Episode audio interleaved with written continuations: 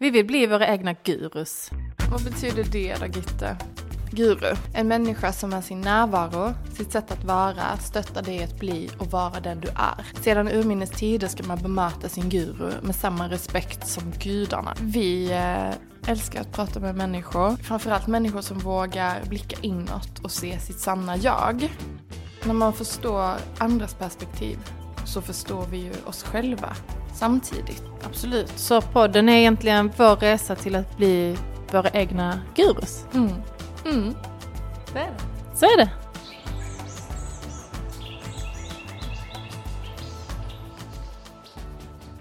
Och vi är utanför Trelleborg. Ja, det tillhör ju Trelleborg. En litet, ett litet samhälle vid kusten eh, som är precis utanför Trelleborg då. Mm. Gislavs läge. Gislavs Gislavs läge, läge. närmare Mm. bestämt. Mm. Och eh, det är här jag bor med Daniel. Eh, sen tre år tillbaka, fyra snart. Och jag jobbar ju som sagt som makeupartist. Har mitt eget sminkmärke eh, där jag sminkar både i Sverige och utomlands. Driver skola och sminkar mycket i TV. Fashion Week. Och sen så eh, har vi... Eh, Glöm inte allsvenskan för alla, absolut, den får vi inte glömma. alla männen där ute. Och sen så har vi eh, artisten Daniel som också har ett ganska så spännande och udda liv. Ja, jag, det är jag som är artisten Daniel. Förutom artisten Daniel, det är min sambo. Välkomna! Välkomna in.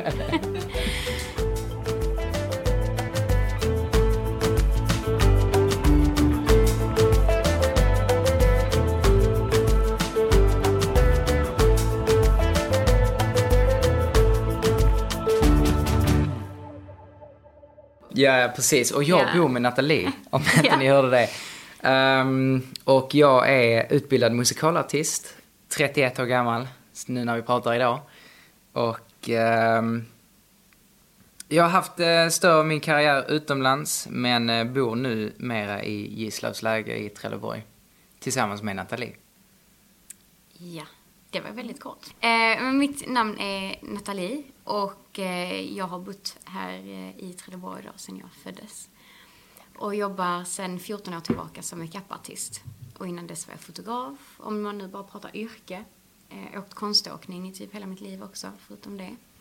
Eh, och eh, träffade Daniel för tre år sedan i pandemin. Så det är så vi två kom tillsammans. Och då bodde han i London på den tiden. Mhm. Sen eh, efter första dejten så flyttade han in här och nu hänger vi ihop. Va? Ja. Efter första dejten? Det, Ja, det, men det, det var var inte, så.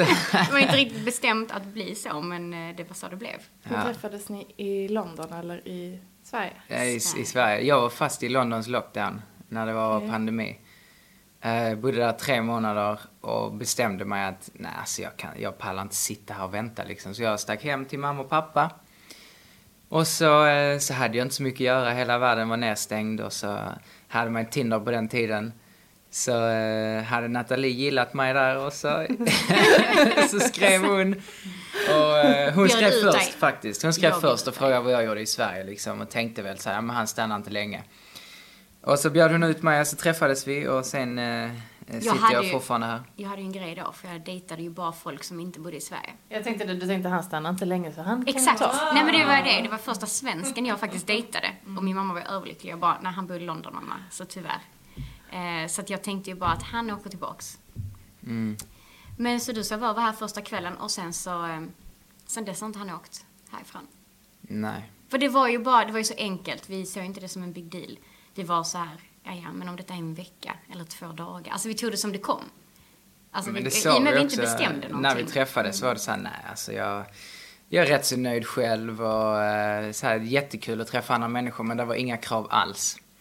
Så, eh, och då blev det ju att man kanske gillade det, att det inte fanns några krav. Och stanna lite längre och lite längre och lite Det blev ju bara att vi längre. hängde. Det var ju inte att vi diskuterade att vi dejtade. Eller att vi planerade Nej. en framtid tillsammans. För då hade vi nog aldrig fortsatt. Nej, jag tror inte heller det. Är det fortfarande så att ni inte har liksom, några krav på varandra i förhållandet? Ehm, Jo, men- Till en viss del. Alltså krav har man ju när man är i, i ett förhållande men om jag skulle, eller jag kan tycka att vi har mindre krav än vad det vanliga förhållandet har Mm. idag. Vi tar det fortfarande som det kommer. Vad, vad beror det på då? Varför är ni, hur är ni så? För vi är egoistiska tror jag. Ja, men det är Alltså, också... jag, jag tror att vi är väldigt måna om att vi själva ska må bra. Mm. Alltså att vad jag vill och hur jag vill leva mitt liv, Daniel ska inte få påverka det för mycket. Och vi är väldigt eniga om det båda två, att om Mm. Daniel vill skena iväg åt något håll, så varsågod. Så detta är liksom inte att nu, Mm. Jag kan nog inte känna den känslan som jag gjorde när jag var yngre och hade ett förhållande, att vi ska dö tillsammans. Utan vi, tror jag, Nej, nej, jag håller med. Alltså, det handlar, det handlar om... Jag bara, är? Nej, men jag, jag håller med Nathalie helt. Alltså, man ska inte känna att man tillhör en människa. Eller att jag lever för Nathalie. Utan eh, när vi träffades så levde jag för min karriär. Jag ville ha karriär och det var det viktigaste för mig. Och det är fortfarande rätt så viktigt för mig att kunna göra det jag vill göra. Det som ger mig glädje. Alltså att jobba med det, det är ju rena drömmen. Så det tar ju rätt så mycket tid och lever man då i ett förhållande där man ska vara varandras allt hela tiden så dämpar det ju allt, allt det. Så ja, jag tror vi kände både lika, likadant. Hon vill ha frihet med makeupen och kunna sticka iväg och sminka vad hon vill. Eller New York Fashion Week och sådana grejer. Medan jag typ stack på en kryssning i fyra månader och gjorde en, eh, en eh, West End show där. Och eh, det var fine, vi är fortfarande tillsammans. Men kan man säga då att ni har eh, god självkänsla båda två eller att ni liksom inte har så mycket svartsjuke-drama? det, ja, det har vi inte alls, tycker jag. nej. Alltså Alltså jag, svartsjuke-drama? Nej. vi Men ni har god skämta självkänsla? om det. Men för jag tror inte jag riktigt vet svartsjuka. Sen kan jag nog känna det, ja men så här, stundtals. Alltså om vi varit ifrån varandra väldigt länge och han eh, vistas med massa brudar kan ju bli en sån här, inte svartsjuka men någonstans, ah, typ. Jag, Men brukar det inte vara så att svartsjuka kommer från att den ena känner sig ehm, lägre än den andra? Alltså om man är, Jo. om man är jämn, jämnhöga, ja. då, ehm, då finns det ingen anledning att känna svartsjuka. Det är Men- om man, om man känner det här att nej men jag är kanske lite sämre än du. Eller vad Exakt. Nej men det tror jag, jag tror det är 100% så. För den brukar vi också prata om. Så fort någon av oss blir lite tjurig eller vi stöter på folk som kanske är jävliga mot oss. Så påminner vi varandra om att fast den människan mår ju inte bra. Eller att jag känner, jag säger ju så här för att inte jag mår bra. Det handlar ju inte om dig. Men det är Utan- någonting jag lärde mig nu som Nathalie sa. Hon, hon sa att en människa som mår dåligt behandlar, behandlar andra människor dåligt. Och en människa som mår bra behandlar andra människor bra. Och det är, det är så. För man gör ju likadant själv. Mår jag dåligt så är jag sur. Och det säger, ja men jag, det går inte bra för mig och eh, nu är jag sur, ingenting funkar. Och mår jag bra så är det så här, åh jag ska hjälpa alla, det här är skitkul och kolla detta jag gjorde. Det är så människan funkar på något vis. Vi vill, jag tror vi har det i oss att vi vill dra ner andra i skiten om vi själva är där. Mm, och Vi Oavsett. vill höra skit om Ja, andra också ja. när vi inte mår dåligt Oavsett själva. om vi vill erkänna det eller inte, men det är ju lite så det ser ut. Om man sätter sig in i vissa situationer. Och när jag mår som bäst, jag känner mig som, alltså, kungen. Då är jag ju väldigt glad, jag är väldigt positiv, jag drar in folk i mitt liv, jag ger dem, de ger, alltså det blir en sån. Men så fort man har en dålig dag eller allting går ner, då blir det ju också att man blir, man ser det onda, det dåliga och man, jag tror man sänder ut det till andra. Man fokuserar negativt, tänker Mm. du? Men det, det känns som att när ni säger detta så låter det som att ni lär er mycket av varandra. Stämmer Ja, det ja, också? Det hundra procent. Jag har nu lärt mig lite mer av Nathalie än vad Nathalie har lärt sig av mig. För jag har haft en väldigt ehm, egoistisk karriär. Jag har stått på scen, jag har varit eh, lead vocalist och fått all uppmärksamhet och bott i de fina rummen på kryssningarna när jag var där och jobbade. Och när pandemin kom så stängdes ju den världen ner och då är man ju fortfarande den här fina människan som sjunger på de stora scenerna. Och, um, men det är också därför jag inte har åkt ut igen. För när jag träffar Nathalie så börjar jag tänka liksom... Vem är jag och vad vill jag göra? Och är det värt att tjäna mycket pengar men kanske inte må lika bra? Eller är det mer värt att jobba på någonting stabilt här hemma och bygga upp det och jobba med något du älskar varje dag? Även om du kanske tjänar lite mindre. Men vem bryr sig? Jag mår bättre. Men innan du träffar Så- mig har du levt, som jag kan se det som, uppe på ytan. Alltså ja. du har hela tiden levt i klass, det roliga, i berg och Mm. dalbana, alltså där topparna typ. Mm. Eh, och när du var trött på det så by, bytte du kontrakt. Mm. Alltså du hann ju hela tiden alltså så här, klättrat liksom efter toppar. Har du då varit rädd för att, att må dåligt? Eller har du, varit, har- är du rädd för att liksom hamna i, i dalarna? Ja, ja, det var jag. Men det gjorde jag ju 2020 under pandemin. Hamnade verkligen i skiten, för det fanns inget längre. Ingen Det var ju en historia om eh, Danny Saucedo. När han, eh, han stack till en restaurang. Jag tror det var kanske 100 pers eller något. Jag, har inte, jag kan inte riktigt allt. Men han satt där och käkade och det var pandemin, det fick inte vara några shower eller någonting. Och han bestämde sig för att dra upp gitarren. Och eh, då var typ hälften tvungna att lämna för då var det en regel att man får bara vara 50 pers där. Alltså så galet var det. De stängde ner, alltså vi satt alla där 100 pers, jag var inte där, men de satt alla där 100 pers. Och ska han spela gitarr och då ska hälften lämna. Det är helt galet ju. Så under pandemin så fick jag verkligen slåss med mina egna demoner om att ja, men, kultur hjälper människor. Eh, musik är viktigt och medan Sverige och resten av världen bara stängde ner och sa ja men det är det inte, vi behöver inte det nu. Så då var jag i skiten. Och då fick jag lära mig att, ehm, som Nathalie sa, leva på de här topparna var ju ett drömliv som egentligen inte finns. Det är inte riktigt till mig. Alltså ute på kryssningen så, jag är inte runt om min familj. Jag är inte med mina rötter där jag växte upp och jag tar inte tag i mina problem som jag har utan jag går på scenen och får nya kickar och sen eh, av scenen och sen på scenen imorgon igen och får nya kickar. Sen får jag betalt och det är jättebra. Men eh, som sagt, just det du eh, nämnde, det lärde jag mig då 2020. Och ehm, Jag menar att det kan vara ett lite flyktbeteende. Alltså du var 100%. tvungen att stanna upp då, Mm. 2020. Mm. precis, jag fick ju ta tag i alla problem man har hemma till exempel. Det har vi alla. Men det livet är ju tillfälligt och det är jävligt nice att Ja. leva det livet. Du hade levt i typ tio år. Och han Precis. gjorde ju kryssningar, vi snackar Bora Bora, Australien. Alltså han har ju varit på, det är ju inte så här Ja. fram och tillbaks mellan Nej, Italien gjorde- och Spanien. nice. Utan du har ju gjort sådana här runt om i världen och sett de sjukaste platserna. Ja. Tjänat riktigt bra, jobbat lite till vad du faktiskt fick Ja, ja, betalt. så det så var... Mm. som pojk, eller så i 20-årsåldern, att leva som en kille, så har du haft drömmen. Men det kommer ju också från att jag växte upp i en familj som inte hade råd att ja, men, leva fint eller ha dyra saker eller så här. Så när jag själv gjorde det så blev man ju fast i det. Du vet, jag kunde köpa en ny dator om jag ville. Skitfett. Men när du säger när du bara gjorde det, Mm. och det här vill vi veta om båda, båda er. Vad var det som fick dig att börja jobba med det du gjorde istället för att plugga till eh, ekonom eller... Mm. Alltså, Som vad- musikalartist. Hur började du, precis, hur började du? Eh, alltså, det. när jag växte upp i Hörby då, så spelade jag handboll och eh, så har jag också samtidigt då parallellt växt upp inom kyrkan och där sjunger man jättemycket. Så jag sjöng ju lite i kör där och så.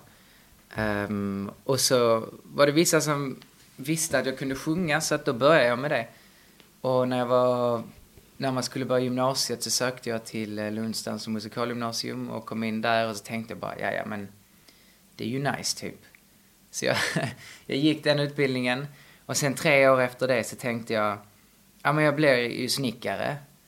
Eller så söker jag till London, till den enda utbildningen jag ville gå i London. Jag sökte bara till den. Och så var det ju så här, kom in där, så går jag den, gör jag inte det så blir jag snickare. Enkelt liksom. Men du utbildade dig inte till snickare väl? Eller? Nej. Men jag har alltid haft lite intresse Ja, okej. för det och kunnat bygga lite. Men får jag fråga dig då, var det någon av dina föräldrar som på något sätt var på dig att du inte skulle göra det som du ville göra? Dans och musikal. Ja, men det var ju för att det var dyrt.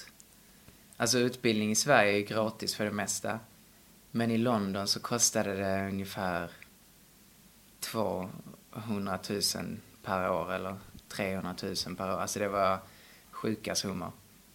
Så att eh, det var ju orimligt att göra det egentligen. Men jag sökte ändå och kom in. Och då var jag så här, oj, jaha okej, då ska man betala det här. Och då sa ju mina föräldrar, det är ju helt omöjligt. Det, du får, det kan du inte göra. Men så hade de en eh, uh, stipendieaudition, så min farsa flög med mig dit faktiskt. Och um, så jag gjorde den auditionen och så fick jag fullt stipendium där. Wow. Så att jag, ehm, ja, jag gled in på en räk... Eller jag jobbar för det. Jag, jag sökte, jag flög dit, jag gjorde audition, jag gjorde allt jag behövde göra. Men lyckades liksom ändå. Eh, Men sen kom ju nästa grej då, att det kostade att bo i London. Så jag fick ju ta jobb där samtidigt som jag pluggade och... Och... ehm, Ja, men jag jobbade ändå hårt när jag var där. Och sen efter det så var min utbildning färdig och då hade jag redan fått jobb på eh, en kryssning. Det var en sexstjärnig kryssning faktiskt. Det var skithäftigt. En sån mindre för alla såna här eh, VIP-människor. Ägaren av Pepsi bodde på kryssningen. Ehm, Det blir din bästa vän typ. Ja, hon, hon ägde inte Pepsi från början, hennes man gjorde. Men eh, han hade ju gått bort så hon hade ju sina ägodelar där och hon bodde på kryssningen när vi blev polare. Så att eh, det var så jag började och sen fortsatte det bara. Från jobb till jobb och så vidare. Mm. Häftigt. Var du någonsin eh, rädd eller osäker på dig själv? Nu när jag tittar tillbaka på det så var jag nog osäker hela tiden. För att jag stack ju bara från eh, mina problem hemma. Eller gud, det låter som jag har världens problem hemma, men man har ju det med familjen och... Alltså alla har ju problem de borde möta och ta tag i. Men det gjorde ju inte jag, jag stack ju hemifrån bara. Så att eh, under hela den tiden så var, hade jag nog ett stort behov av att vara omtyckt och sedd och stå på scen gav ju det till mig. Så, mm. Tror ni att det finns någon, någonting i den åldern, när man gått ut gymnasiet, när man flyttar hemifrån och börjar så här, inte bara tillhör helt automatiskt sin familj, utan man behöver hitta sitt eget. Att man då, att det blir ett så naturligt sätt att, att fly. Att vilja fly från någonting som är så nytt. För jag hade samma sak när jag var 21. Så flyttade jag till London. Jag vet att jag gjorde det inte för att plugga där, utan för att fly. Alltså Bara för att fly. Mm. Ja, Jag hade tvärtom. Hade du? Jag sa ju det att jag skulle bo hemma till jag var minst 25. Alltså Va? det var, ja, det var min så här, jag sa ju det till mina föräldrar. Alltså, dina föräldrar. Nej men de, mamma har ju älskat det. Hade jag sagt att jag alltid bodde hemma så hade hon varit överlycklig. Hon hade gjort ett rum direkt. Hade designat ett hus för att jag skulle stanna. Så när jag hade en helt annan känsla. Berätta om din känsla då. Eh, ja men jag, jag älskat alltså min eh, barndom och hur allting har varit och Alltså vi hade ju väldigt roligt. Mina föräldrar var mer mina vänner än mina föräldrar. För vi har mer hängt ända sedan jag var tonåring, eller sedan jag var liten egentligen. Så det var ju att vi var där, alltså hemma hos mina föräldrar och de var med och Hur lyckas man med det som förälder? Det är ju typ varje förälders dröm. Ja, fast samtidigt så har jag en fråga där. Förlåt, men pratar ni då om problem? Alltså, vi är pratar ni känslor? Vi är jätteöppna. okej. Vi är ju inte så duktiga på att prata känslor när det gör ont. Nej, precis. Det kan min mamma vilja fly. Hon Ja. tycker inte det är kul. Pappa är jättebra på att prata. Alltså, Även när han det kan är prata jobbigt. om allt. Även allt. jobbigt, ja. Alltså vi går till våra föräldrar om problem som mina föräldrar, eller mina vänner blir så här, hur kan du ens säga det till dina föräldrar typ? Men vi har inga hämningar mellan oss. Men Pappa, jag har fått vän. kondylom. Ja men 100 procent. Så det sa jag öppet på restaurang till mina föräldrar. Ja men det var som när jag fick klamydia. Så. Ja. så vi har inte, vi har inte alls den, eh, där är inga hämningar. Men är det också för att det är vad du har sett hos dina föräldrar när du vuxit upp? Att de inte har några hämningar Jag tror det. emellan sig ja, heller? och till sina vänner och sånt. Det har varit väldigt öppet på ett sätt. Och det har alltid varit, men ni, de har aldrig blivit arga direkt på oss. Utan det har varit så här, vi löser det tillsammans. Så pappa har hämtat mig alla kvällar vi har varit ute för han ville veta att jag kom hem. Så han har ju varit den som har kört både dit och hem. Han har varit den som har gått med oss in på klubben ibland och festat med oss. Alltså det har alltid varit, det är min polare. Vänta, okej. Vänta lite. Yes. Berätta mer om din, dina föräldrar, eller din pappa. För det låter ju som, det låter ju eh, gränsöverskridande. Alltså på ett positivt sätt kanske. Ja. Inte som normen. Mm. Nej men det, det kan du nog också känna Daniel. Ja, Alltså att- hundra procent. Alltså han är, han är exakt som hon berättar. Han är... ehm, Men det var redan när mina vänner var, alltså när jag var liten, vi snackar jag var tio kanske, och mina vänner bjöd in min pappa. Alltså det har alltid varit, de kan inte, men Men, men typ? han, Alltså, han bjuder på sig själv på det finaste sättet man kan göra. Han tar inte över ehm, med Titta på mig till exempel. Utan han bjuder på sig själv för allas trevnad. Och, ja. Men det är samma när jag träffade Nathalie och vi hade så här födelsedagar och sånt. Jag var också så här, åh herregud, hur ska mina föräldrar Komma in här. Ehm, För vi är men- varandras motsatser. Ja, alltså ja men, men egentligen. där också, alltså Valle, Valle heter han då. Han, ehm, eh, han kan vara på en fest och vara på en stökig fest och vara roligast av alla. Men han kan också vara på en fin fest och vara roligast av alla. Alltså han på något sätt anpassar sig väldigt, väldigt bra till vad situationen är. Och så står min mamma bredvid och hejar. Alltså det Ja. är det som är grejen. Så det är liksom inte något... Men Tina kan också festa till det. Hon, ehm, Ja men hon syns aldrig. jo hon dansar Nej, ibland. men hon syns aldrig, alltså ingen så här utåt sett, alltså på sociala medier och sånt. Men, Ja, nej, det gör hon alltså, inte, nej. Och hon är inte den som tar så mycket uppmärksamhet. Hennes sociala medier är på Maja Nathalie typ. Ja, Men pappa syns ju. Ja, alltså han. är ju, oavsett om det är fyraåringar eller hundraåringar, så är han som dem och passar Mm. in som jokern där. Men får jag fråga en sak då? Upplever du att han är sig själv eller upplever du att han anpassar sig? Han är sig själv. Han är sig Han är själv. helt sig Han är, själv. så, alltså, han är någon kameleont, jag vet inte, någon festkameleont. Han- Alltså, Han är ett original. Han är, han är sig själv, 100 procent. Men hur är han när det inte är fest då? När det inte är roligt, när det är allvar? Gör han allting roligt? Ska han liksom vara rolig i alla sammanhang eller kan han vara allvarlig? Förstår du vad Nej, han kan vara allvarlig. Mm. Ja, ja, ja. Jag har många samtal när jag kan sitta med honom i bilen eller vi går en runda och vi pratar. Nej, men så han har den sidan också. Men, men du sa också att pappa blev aldrig, eller mina föräldrar blev aldrig arga på mig. Har du då en känsla kring att bli arg är fel? Kan du bli arg och kan de bli arg? Alltså för att jag tänker att att bli arg, Mm. det är någonting jag har lärt mig nu. att bli arg får lov att ta lika mycket plats som att vara glad eller ledsen. Ja. Men känner du att ni har fått lov att vara arga också? Får du lov att vara arg och- Ja, det får jag ju. för dig men själv? det kommer alltså? inte så många, ja för mig själv, men det Mm. kom, har inte kommit så många så här tillfällen inom familjen där det Nej. har blivit så.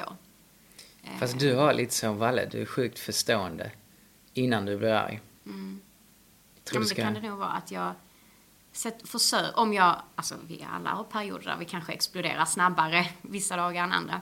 Mm. Men jag försöker nog ofta sätta mig in i och vara i den andra kroppen. Att vill jag ha någon som skriker på mig? Vill jag ha någon som tillrättavisar mig på det här sättet? För jag minns när man var liten och man hade en tränare eller en kompis som kunde explodera eller säga till om vissa saker. Och jag var så känslig. Alltså jag kunde bli så ledsen inombords och kanske inte visa det. Och kunde känna mig ensam och kunde känna mig, man sov över hos folk och hur var deras föräldrar mot mig jämt mot deras barn. Så jag snabbt kan nu gå in i den att, okej, men detta är ju inte trevligt. Därför försöker jag svara och se till, lappa ihop situationer hela tiden att, men det är lugnt. Men där undrar jag en grej. För att du sa i början att eh, ni lyckas ha ett så bra förhållande för att ni båda är egoistiska. Mm. Men vad... För jag ser ju det som någonting jättepositivt. Att om man är lika egoistisk som den andra Mm. så kan man bygga ifrån ett jämställt, alltså en jämställd grund. Mm. Men var kommer den här egoismen ifrån? Alltså för att har den fått växa i en trygg... För man kan ju... Folk kan ju peka finger och säga men du är så egoistisk, du tänker bara på dig själv. Mm. Och om man hör det från att man är liten så tror jag man kan känna skuld Mm. över att Mm. tänka på sig själv. Mm. Det har nog mina föräldrar pushat mig till, Okej. i så fall. Och varit så här att, Hur då? Hur gör man det? ja men det har alltid varit så här, Nathalie du är bäst. Och även när jag suger så är jag bäst. Alltså det har varit så här, Ja. min mamma har alltid sagt, du, på skämt också många gånger, Mm. men du kan sjunga Nathalie. Du kan dansa. Ja men du hade vunnit den mig, ja. tävlingen. Nej men hade varit, och så jag en tävling där, men du hade varit bäst. Så jag har ju bara den, det matas i mitt huvud. Och det är så jag har blivit bra på någonting. För jag hör inte bara mina föräldrar utan många runt om. Jag plockar upp. Och jag bara, bäst, du kan, du klarar detta, du kommer att vara en stjärna. Alltså, som om man bara kan ta åt sig det. Det är ju jättefint, men samtidigt är du ju väldigt ödmjuk. Jag vet inte om man är, om det har med barndom eller hur man är eller hur man... Jag, det har nog med min känsliga sida att göra. Alltså att jag kan sätta mig in att man inte vill må dåligt. Men jag tänker mig att det har dina föräldrar kanske också lärt dig. Att vara ödmjuk samtidigt som de har peppat dig att, vara, att du är bäst bara. Du behöver inte vara bäst, men du är bäst. Ja men så har det nog också varit. Men du måste Ja. inte vara bäst eller? Det har inte varit så att Kom igen Nathalie, du måste vara bäst. Du måste Nej, bli bättre. Alltså så länge vi, som i skolan till exempel, och de har alltid varit så, länge ni är godkända. Mm. Alltså, för att man ska inte leka bort vissa saker typ. Det har ändå varit lite så, men Men vad fick du höra då Daniel, när du var liten? För du sa att du kom från en kristen Mm. kultur. Ja, ja, jo. Ja, ja. ja det, var, det var lite det jag var inne på innan, att eh, man springer från sina problem. Ehm, men först och främst så vill jag säga att de, det kristna, det är väldigt fint. Och det, jag accepterar liksom allt som har med det att göra. Men det passade inte mig när jag växte upp alls. Det passade inte mig att följa vissa regler och typ det här att Valle körde Nathalie till festerna. Den delen fick jag utforska själv och det kan ju vara det kan vara lite läskigt liksom och inte veta att man kan åka någonstans och det här får man inte göra och det satte ju sin prägel under hela, hela mitt liv och som ni säger att då kanske man känner att man måste vara bäst för att jag måste, jag måste vara bäst. Jag får inga jobb om jag inte är bäst. Jag får, jag får inga vänner om jag inte är bäst. Eh, Men och vad då gjorde blir man... att du skulle vara bäst? För att jag måste visa. Jag måste vara liksom...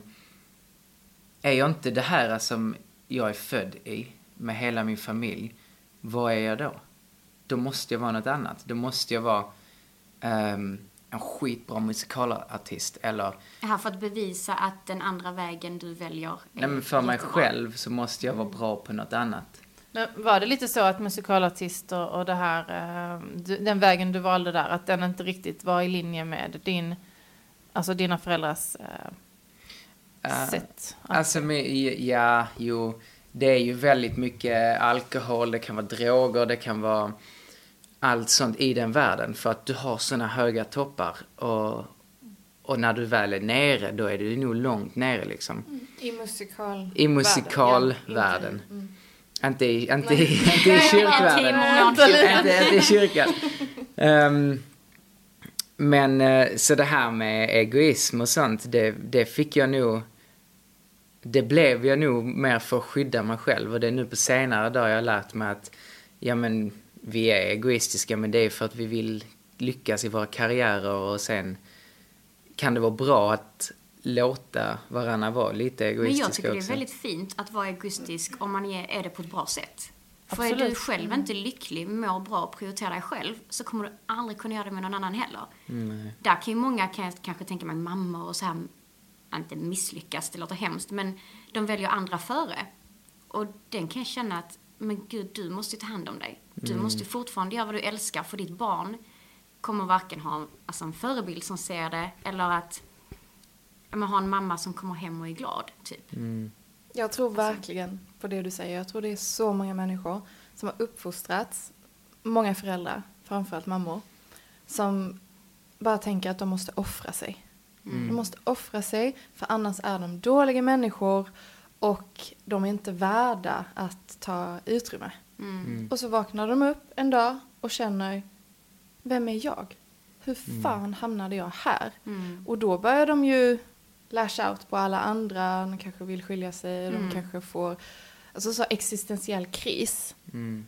Men då tänker de hela tiden att det är fult att vara egoistisk. Det är, det är fint att tänka på alla andra hela tiden. Mm, men det är helt Men det fel. Det är så fel! Ja. Ja, men jag tror det fortfarande är mycket så för att det är föräldrar. För att vi snackade med en kvinna som ehm, håller på med ehm, astrologi, evolutionär astrologi och något som heter human design. Och hon kan liksom, hon ser på hur, vart hela världen och samhället är på väg. Då berättade hon för oss att i framtiden, det vill säga nu och fram, så kommer det så många barn och så många människor som inte passar in i den vanliga mallen.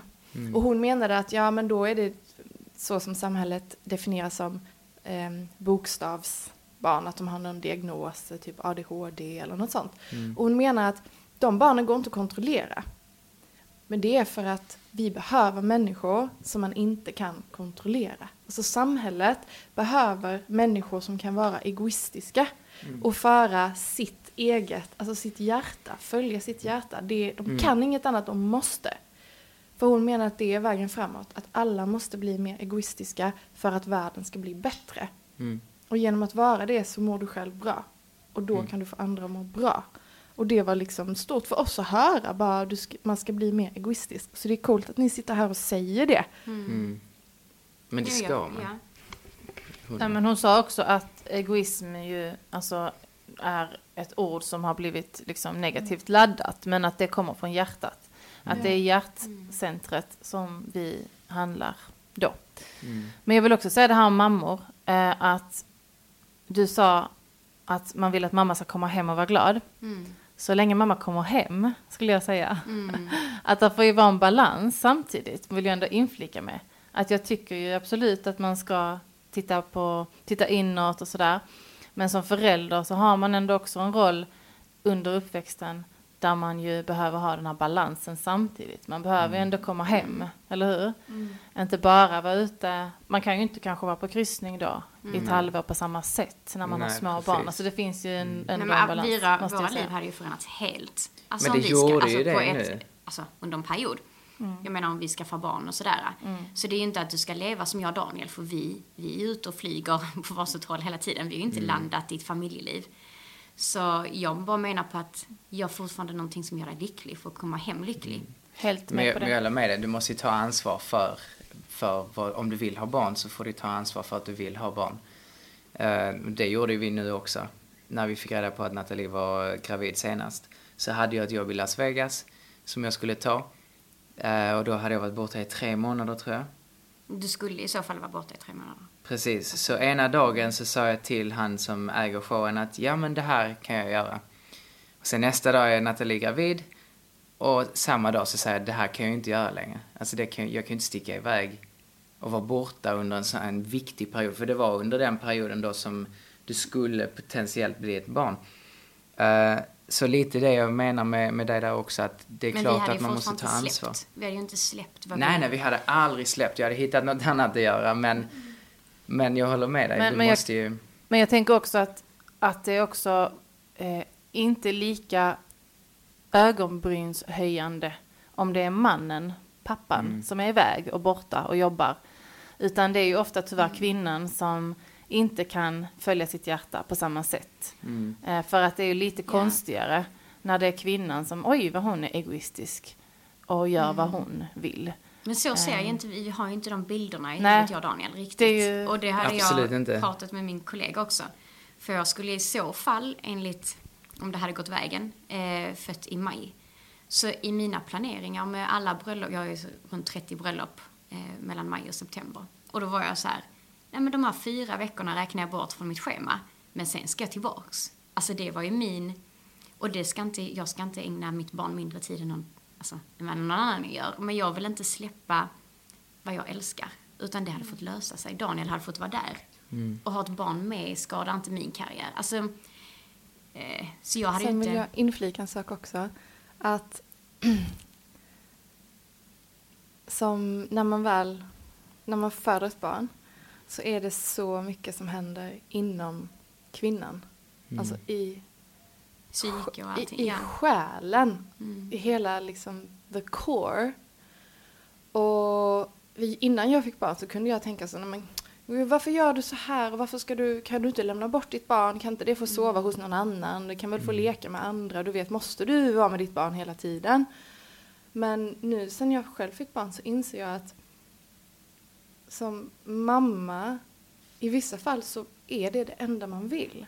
Men den är jag Och med det på. är Den har jag fine också, också. sett Ja, och känt. att, man, att man också kan vara lyhörd inför det inför sig själv. Mm. Men För då att- får man ta det då. Ja, För det är ju Ja, så ja. olika. Jag har ju, jag kollar på mina kollegor och där finns, detta låter hemskt, men det är ju många alltså kvinnor som gör en förändring i sitt liv som skrämmer mig. Som har gjort att jag vill inte ha barn.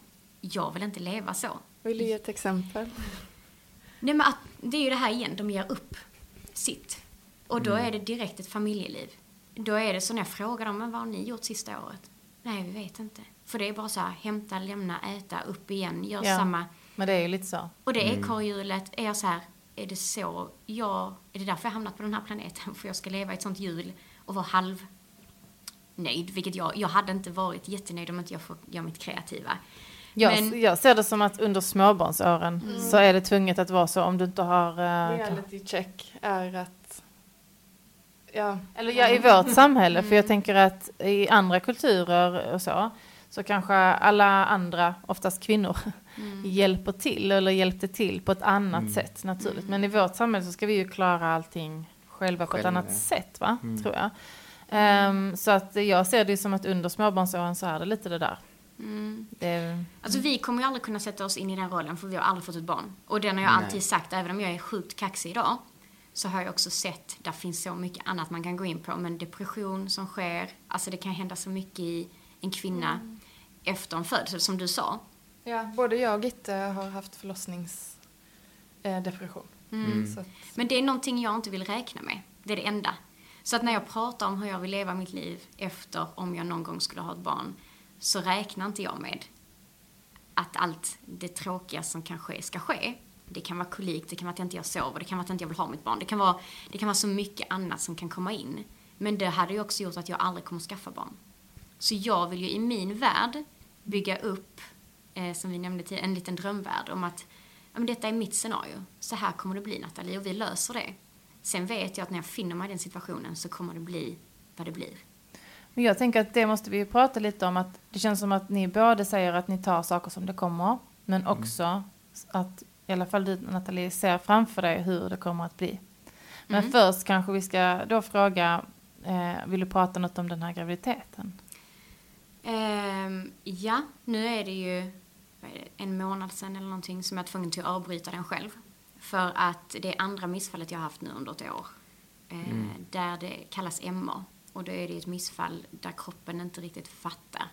Så graviditeten avbryts och så får man reda på det i ett ultraljud och då måste du avbryta den själv. Antingen med skrapning om det gått för långt eller en abort hemma. Så det är andra gången jag är tvungen att göra det och då stannar graviditeten runt ja, men vecka åtta. Och då eftersom jag eh, har varit igenom vad jag varit igenom eh, i ett annat förhållande där jag gick igenom IVF och inte kunde få barn på fem år totalt där vi försökte. Så har jag skickats på väldigt tidiga ultraljud direkt efter jag fått reda på att jag var gravid. Så jag har ju som tur var följt upp mina två graviditeter ganska så tätt med ultraljud och samtal och sånt. För att eh, min hjärna inte accepterar att jag är gravid på något sätt. För med Daniel har det, det har varit så här, blir vi så blir vi. Och det har gått jävligt snabbt. Båda gångerna. Så att, för där vi var i chock att, okej detta var lite tidigt typ. Men ehm, vi ställer ju, hinner ju ställa in oss på mycket. Det gör man ju bara på ett par timmar egentligen. Hela ens värld förändras. Ja, men lite som du snackade om innan, att skulle du få barn och de här grejerna som skulle kunna hända händer, då ställer vi in oss på det också. Samma med, eh, med graviditeten nu. Med jobbet. Jag hade ett jobb, men vet du vad, jag kan inte ta det här jobbet för att, eh, för att nu händer detta. Så jag tror mycket, det är klart det har varit svårt för oss och framförallt Nathalie. Jag, jag är ju inte i Nathalies kropp så jag kan ju inte bedöma det. Men eh, jag tror att det är lättare tillsammans om man bara ställer in sig på att ja men så här är det nu. Och eh, då får vi gå igenom det också. Är vi ledsna så är vi ledsna och då kan vi vara ledsna tillsammans istället för att sitta hemma själv och inte kunna prata om det. Så mycket sånt har, har också vi fått lära oss genom de här äh, snabba graviditeterna som har hänt. För att jag har ju varit en liten pojke på kryssningar som har varit uppe i luften liksom. Och sen så helt plötsligt ser Nathalie gravid och vet du vad, jag känner ändå att ja men det här är jättefint och det är jättekul och jag i så fall vill göra det med Nathalie, absolut. Och då blir man en annan människa. Men eh, snabbt har det gått och mycket upp och ner har det varit också. Så vi får... Men sen så vet, alltså jag har nog gått igenom den värsta smärtan redan när det kommer till barn. Alltså jag har på något vis, du kan inte, jag kan nog tänka mig att man går inte igenom den smärtan för evigt. Utan den kommer trubbas av på något sätt. Eh, som många smärtor gör. De går aldrig över. Menar du psykisk smärta då? Ja. Eh, så efter hela den här IVF-grejen, det var de åren, detta handlar om typ tre år, som jag mådde skit. Alltså där nere och så lågt som jag har mått på grund av att inte kunna skaffa barn. Sen kom mycket annat i den vevan som förstärkte den här känslan. Men det har gjort att jag tar saker och ting bättre idag. Så för mig är inte ett missfall hela världen. Men hade du då en föreställning om hur du ville leva ett, ett familjeliv? Ja, jag hade ingen, alltså, ingen känsla för karriär eller vem är Nathalie eller någonting under den perioden. Utan som man är när man är 22 och tror att nu har jag skaffat mitt hus, jag har min man, jag har allt. Nu är det bara ett barn. Och sen skulle vi gifta oss, sen skulle vi detta och detta. Så det var ju aldrig en fråga, vem är Nathalie, vad vill hon? Utan hela min värld gick ut på att skaffa ett barn. Men Alltså, om du Daniel började utforska dig själv under pandemin, att det var liksom en, en botten för dig. När kom den botten för dig? Eller när, kom, när började du, aha, vem det var Nathalie? då. Det var då? Ja. Vad hände? Men jag slog mig typ fri från allt hur mitt liv såg ut på den tiden. För jag kom så lågt att jag kände att jag ville inte riktigt gå upp på morgonen längre. Så Hur gammal var du när du köpte ett hus? Och började... 22. Du var det? Ja. Köpte du det själv? Nej, då var det med min eh, dåvarande sambo. Så du ville liksom leva det här vuxenlivet Mm. då? Då skulle jag vara fotograf, vad jag var på den tiden. Det är därför detta är en fotostudio. Eh, så att jag skulle vara ung mamma, fotograf, ha två barn innan jag var 25, eh, gifta mig där innan jag var 30 och la la la. Sen Hade du sett det den- framför dig liksom? Ja, Mm. och sen gick ju inte det enligt planen. Kan du idag känna att det var liksom något positivt i att den planen inte... Mm, jag har två svar. Det Mm. ena svaret så känner jag att nej, jag skulle aldrig någonsin önska Nathalie 22 behöva gå igenom vad hon gjorde. På, så Nej. en sida av mig hade önskat att allting jag drömde om då skulle få gå. Och jag tror jag hade varit lycklig i det på ett sätt. En annan del av mig är så här, fy fan vad skönt. Och helvete om det hade gått som jag ville då. Eh, för då hade jag inte kunnat känna och vara lycklig. Alltså då känns på en sån, en helt annan nivå. Än vad jag tror om jag hade känt om det hade fortlöpt liksom. Så jag har fått nå lyckan ensam. Jag har fått stöta på grejer själv. Och jag vet inte. En helt annan, en värld som jag tror är egentligen mer jag. Men det låter som att ni båda på något vis har någon form av em, tillit till någonting. För ni Det- säger ja. att ja, men det löser sig, vi tar det som det kommer. För det är ju många som bara hade kanske panik Mm. och, och velat kontrollera allting. Mm. Men det låter inte alls som ni har den... Eh, det Kontroll, kon, kontrollbehovet? Alltså kontrollbehov, det har jag över mina projekt jag gör. Då är jag så här att det ska vara perfekt. Men jag tror inte jag har kontrollbehov över eh, hur livet är. Utan, alltså jag vet inte. Jag tror inte jag har så stort kontrollbehov över vad som kommer hända och hur det ska bli och, och så här. Utan så länge jag får göra det jag älskar att göra, vilket är sjunga och vara kreativ, så är jag nöjd. Men ni har liksom ingen fast inkomst varje månad som... Ja, Den är kan- olika hela tiden. Ja, den. Och ändå, ni känner liksom att... Ni känns ju ändå som ni har en positiv inställning på att det kommer att bli... Alltså på så jag sätt så tror jag ju lite på att har du en positiv och god inställning till saker och ting så kommer det lösa sig. Alltså det är lite det här, och vad heter den boken? Inte Power of Now, men det finns en... Eh, The secret. The Secret. Eh, för om jag jämför mig själv och min syster, hon har alltid tjänat mycket mer pengar än vad jag har gjort genom alla år. Alltså hon är en arbetsmyra och hon har bra jobb, bra löner. Men hon känner alltid sig fattig. Alltså hon är alltid så här, nej nej men jag har inte det, jag har inte råd med det, jag kan inte det. Och, och jag är så här, jag, tjänar, jag har tjänat hälften typ. Jag har rest mer, jag har köpt mer, jag lever i Alltså hela det här. För att jag, jag kan nog, jag ser det goda i det. Typ att, ja men Julia, det löser sig typ. Men hon har mer panik över det. Men det här, det här vill jag prata om. Era, dels det här eh, som du ehm, som du pratade om, hur du ehm, skapade en film om ditt drömliv. Mm. Och hur ni båda ser på att leva sina bästa liv. Hur man, hur man tar sig från tanke till, eh, till verklighet. Och att ni är väldigt normbrytande på många sätt i det. Kanske. Ja, men det är I vi. hur ni lever. Mm. Vi är ganska lika där att vi, vi bryr oss inte så mycket om vad som ska vara. Så här bör det vara. Så här är du lycklig. Det här ska du uppnå i ditt liv.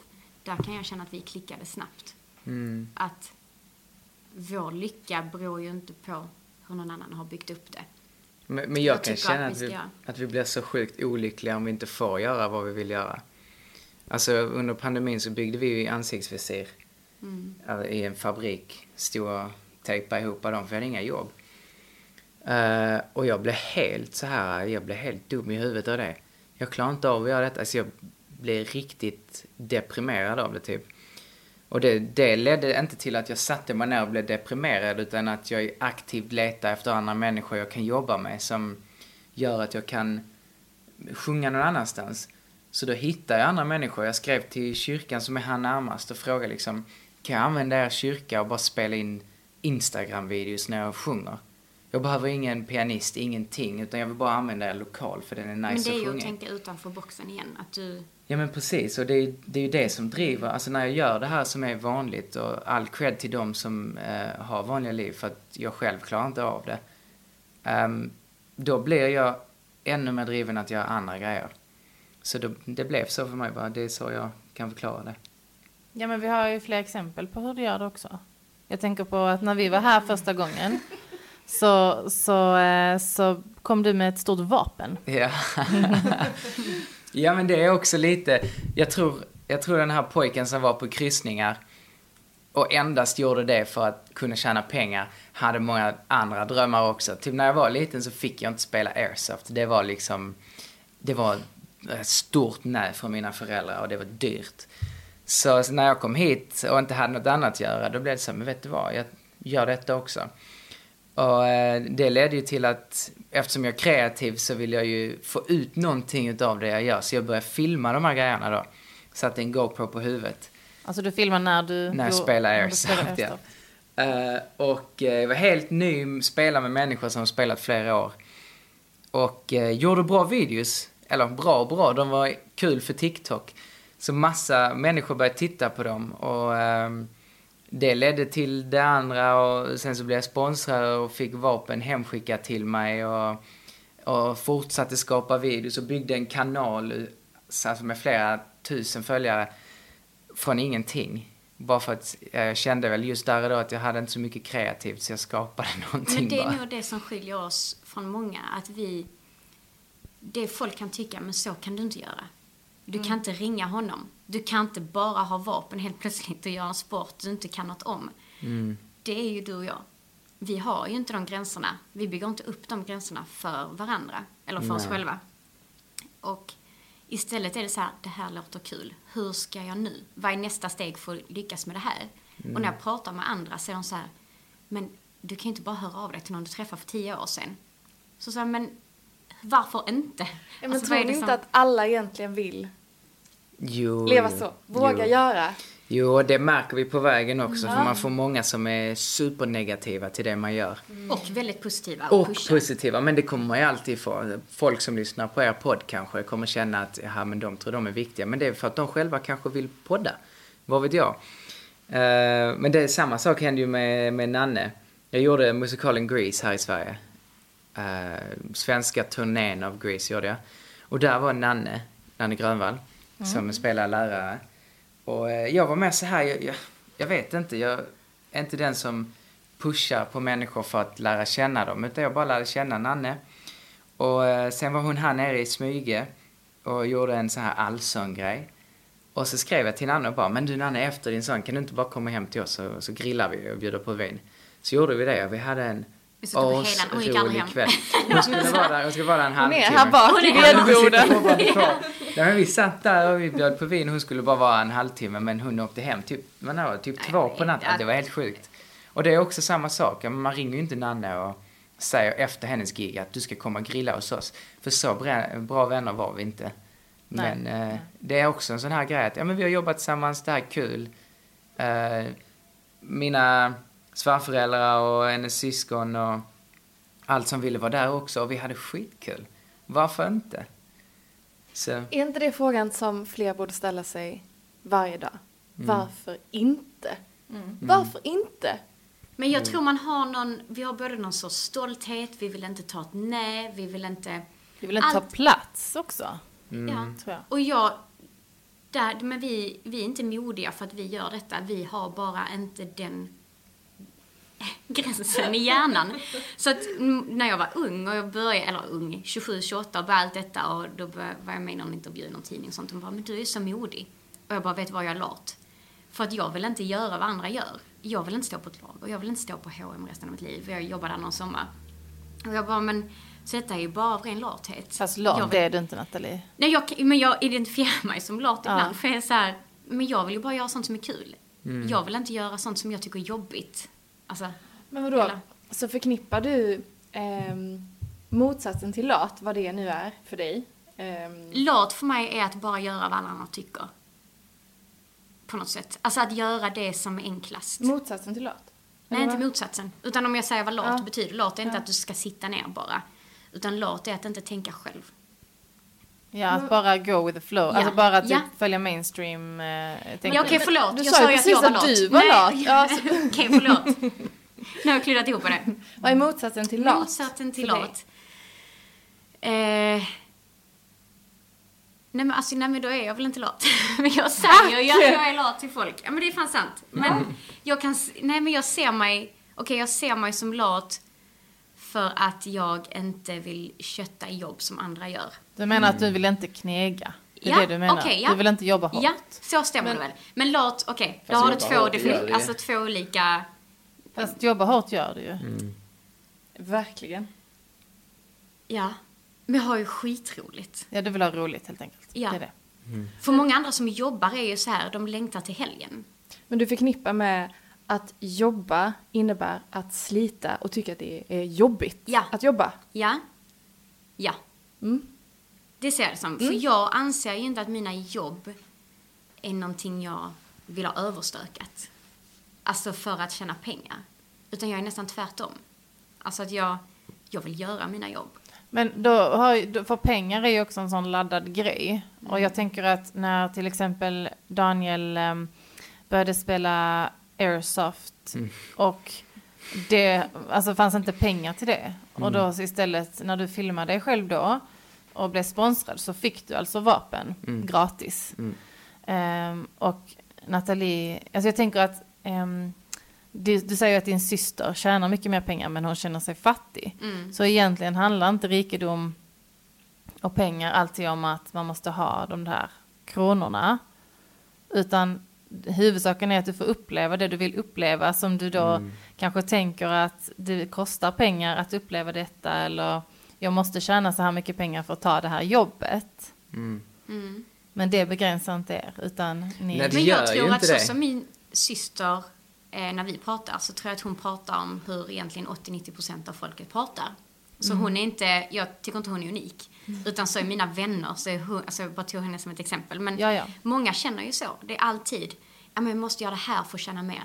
Jag ska göra det här för att kunna köpa den. Så frågan är egentligen hur känner man sig rik? Att rik kan vara något annat. Det är ju att du Att får, göra vad jag vill. ja, du får det uppleva det, du vill uppleva. Alltså, ja, men jag känner ju typ när de här hemsidan skickar en eh, pistol till mig, då känner jag så här, vilken glädje.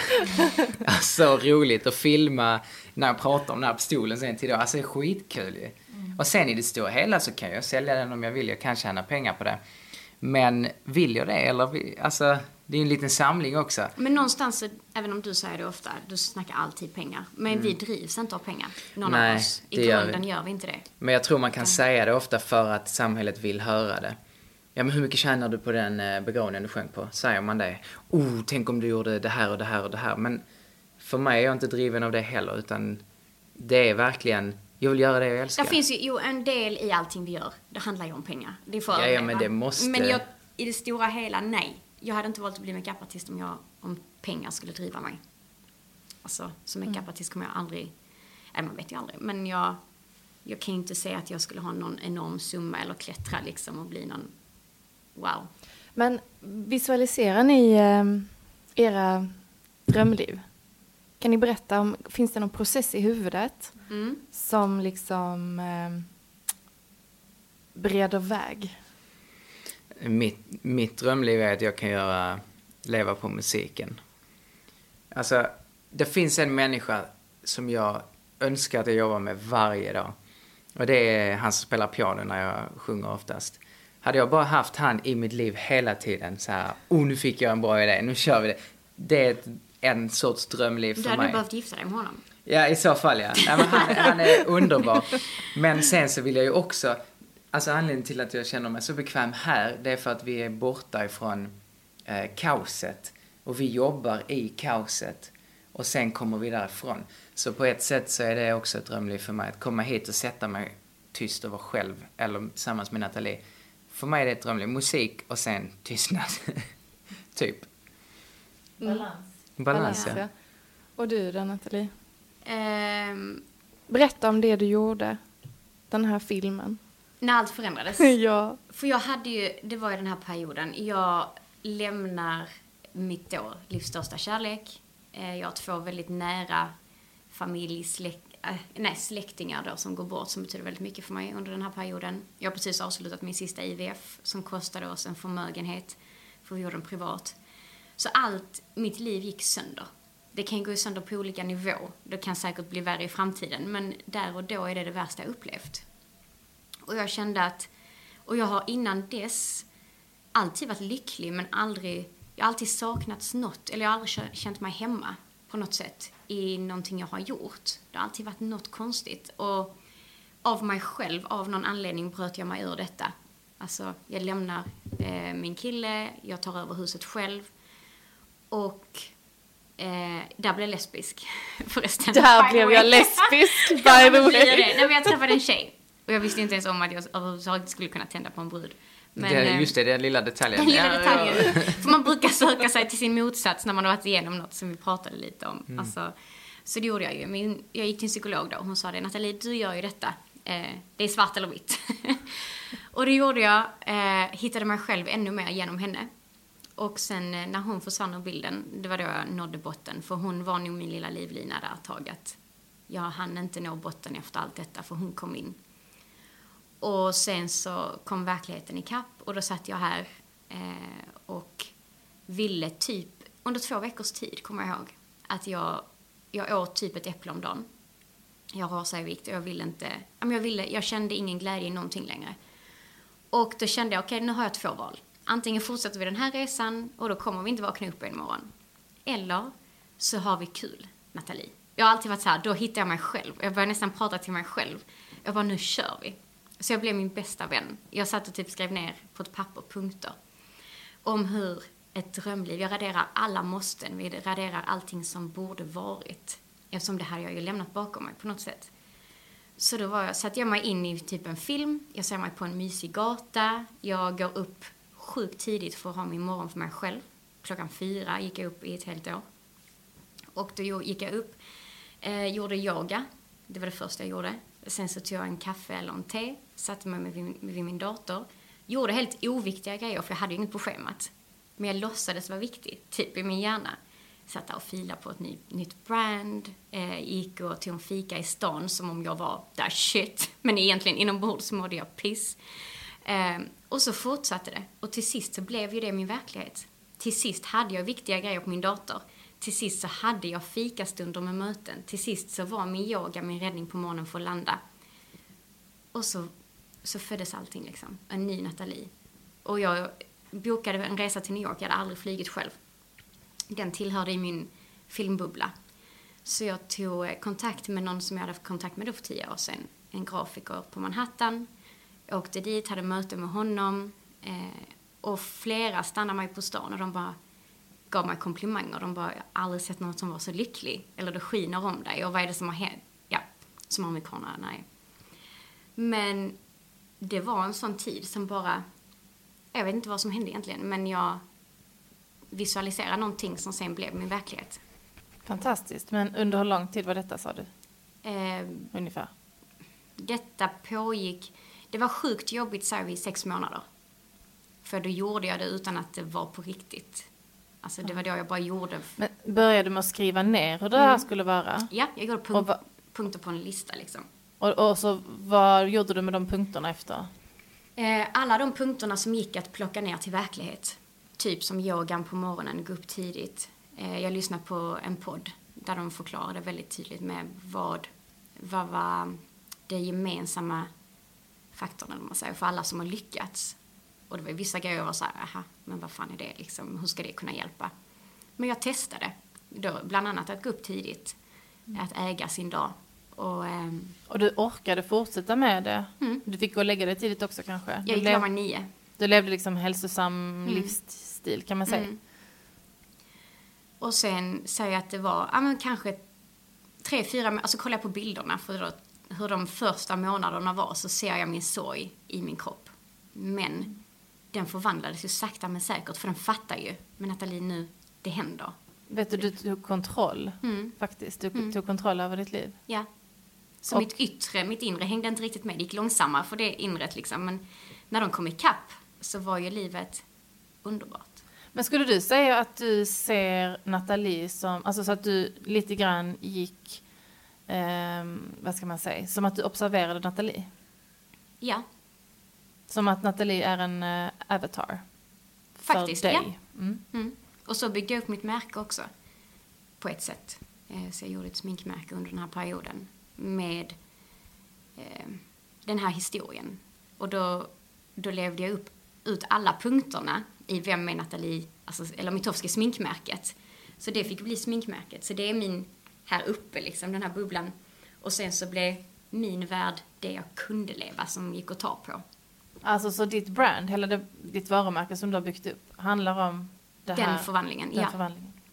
Så alla punkter på den här listan, jag kunde inte uppfylla alla eftersom inte jag var rik eller eftersom inte jag hade. Vad var det för punkter du inte kunde uppfylla just då? Att jag bodde i en fet jävla lägenhet på Manhattan, gick ner med mina stilettklackar och levde det livet liksom. Är det något du vill ska hända? Inte längre, men Mitowski Cosmetics, kvinnan bakom, hon gör. Det var samma fråga. jag hade. Nej, jag har inte samma... Det är därför jag vill göra om den här grejen idag. Eh, För typ, vad blir det, fem, sex år senare. Berätta om det. Vad, vad är det du vill göra idag? Men jag vill göra den med Daniel. Alltså jag vill att Åh, vi sitter fint. ner och eh, gör de punkterna och väver in varandra i det. Och börjar eftersträva och ha samma liksom mål. Jag väntar hela tiden på att säga och sen kommer jag in i ditt liv och Ja. landa hela... Landa Men jag har inte kommit till Nu måste vi göra 2020. om det.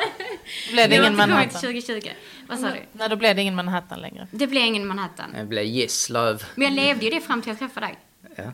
Jag levde ju, alltså det hade den visionen fram till dess. Men du bokade en resa till New York. Du kontaktade Mm. någon som du kände för tio år sedan. För att, vad menar du där? Vad gjorde du? Men jag var så här, men varför fanns han i mitt liv? Alltså vad kan jag ha honom till liksom idag? För att jag tror ju att vi har så många runt om oss egentligen som kan hjälpa oss med saker och ting än vad vi tror. Eh, ja, men berätta om den här historien med New York och han grafikern på Mm. Manhattan. Jag, jag var 18 år när jag var där första gången. Eh, det var sista året i gymnasiet. Och det var också en sån sjuk grej. Jag åkte dit med en kompis. Vi båda känner den här, de här, det paret som bor på Manhattan. Och hon, den amerikanska världen är annorlunda än vår, för det är allt möjligt. Så hon var, Nathalie du kommer hit och jag hjälper dig. Jag sätter in dig på praktik hos tre olika. Eh, du säger bara vilken riktning du vill. För där är det ju så, någon känner någon som känner någon som vill hjälpa dig. Den har vi inte här i Sverige på samma sätt. Så då hamnade jag hos världens mest kända hundfotograf. Som bor på Manhattan. En hattmakare som gjorde bland annat hattar till Britney Spears och Madonna i Brooklyn. Och hos en grafiker på Manhattan. Eh, och jag läste till grafiker i gymnasiet. Så det var så jag hamnade hos honom. Och han, men jag hade väl en kul tid men jag var inte där i min hjärna när jag gjorde praktiken. Men tio år senare så var jag, men gud jag vet ju vem de här människorna är. Klart jag ska till New York. Vem, jag- vem skulle inte vilja? För det ville man i min fantasi, den här med punkterna som jag målade upp. Då är klart jag skulle till New York och låtsas eh, leva där och gå på möten där. Så jag träffade honom och han, eh, han eh, tog nog ner mina drömmar lite när det kom till i alla fall märket. Eh, nej men så han fick mig att förstå vad jag höll på med. Han var så här, Nathalie varför gör du det här? Och han insåg ju snabbt, nu glider vi in på något helt annat, men snabbt bara, men han insåg att detta blev min ersättare till min partner. Vilket? projektet. Ja, hela märket. Så han kunde vara ganska hård mot mig, bara för att få mig att förstå vad jag höll på med. Eh, och han bara, men hör du inte dig själv Nathalie? Du ersätter ju ditt ex med det här, eller barnet du inte fick. Så det finns mycket i det som är invävt i mitt märke också. Vad värdefullt att ha en person som säger det så upfront Mm. till, Ja. till dig. Men då det fick ju mig att förstå vissa känslor, vissa desperata liksom, känslor som kom i min kropp av att göra någonting. Men samtidigt så häftigt att liksom bygga upp eh, Nathalie Mm. själv. Men det Alltså som hände vi- där var ju att jag blev min egen bästa vän. Jag brukar skämta om det. När någon är såhär, vad gör du i helgen? Jag bara, jag umgås med mig själv.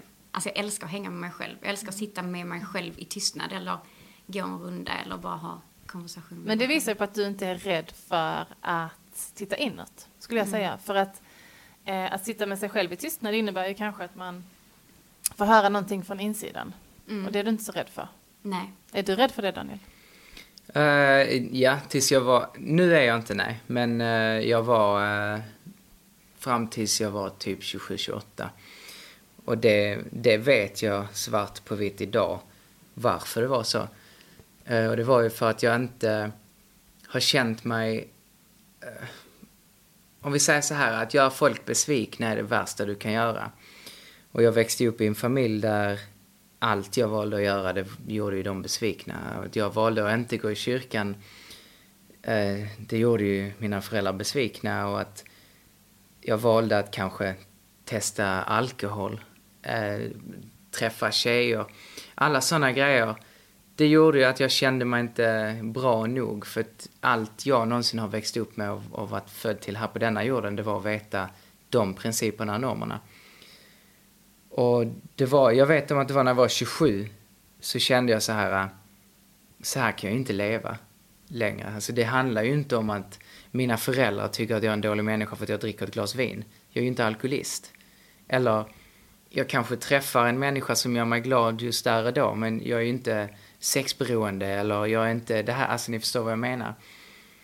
Uh, och sen då när jag träffade Nathalie så landade hela den grejen helt och hållet. För hon var ju så, ja, vadå, vi kan väl bjuda hem dina föräldrar på fest, det gör väl ingenting. Ja, och jag var ju så här, nej det kan vi inte, absolut inte. Det, de kommer se mig så här och så här. Då var jag ändå typ 29. Eller 28, kan jag vara, hur gammal var jag? 28 när vi träffades? Ja, det var jag. Nathalie utmanar dig. 100 procent ja. Hon utmanade mig enormt mycket. För första gången de kom med då så var det ju att, ja men vi dricker inte, vi dricker inte alkohol denna gången. Så träffar de familjen. Sen nästa gång så ta ett glas vin framför dem. Och liksom visa att, ja men det här gör jag faktiskt. Alltså jag dricker ett glas vin för att jag njuter av det. Uh, och så sa de ingenting. När, när vi väl gjorde det, de sa ingenting. Och um, då var jag helt så här, jaha.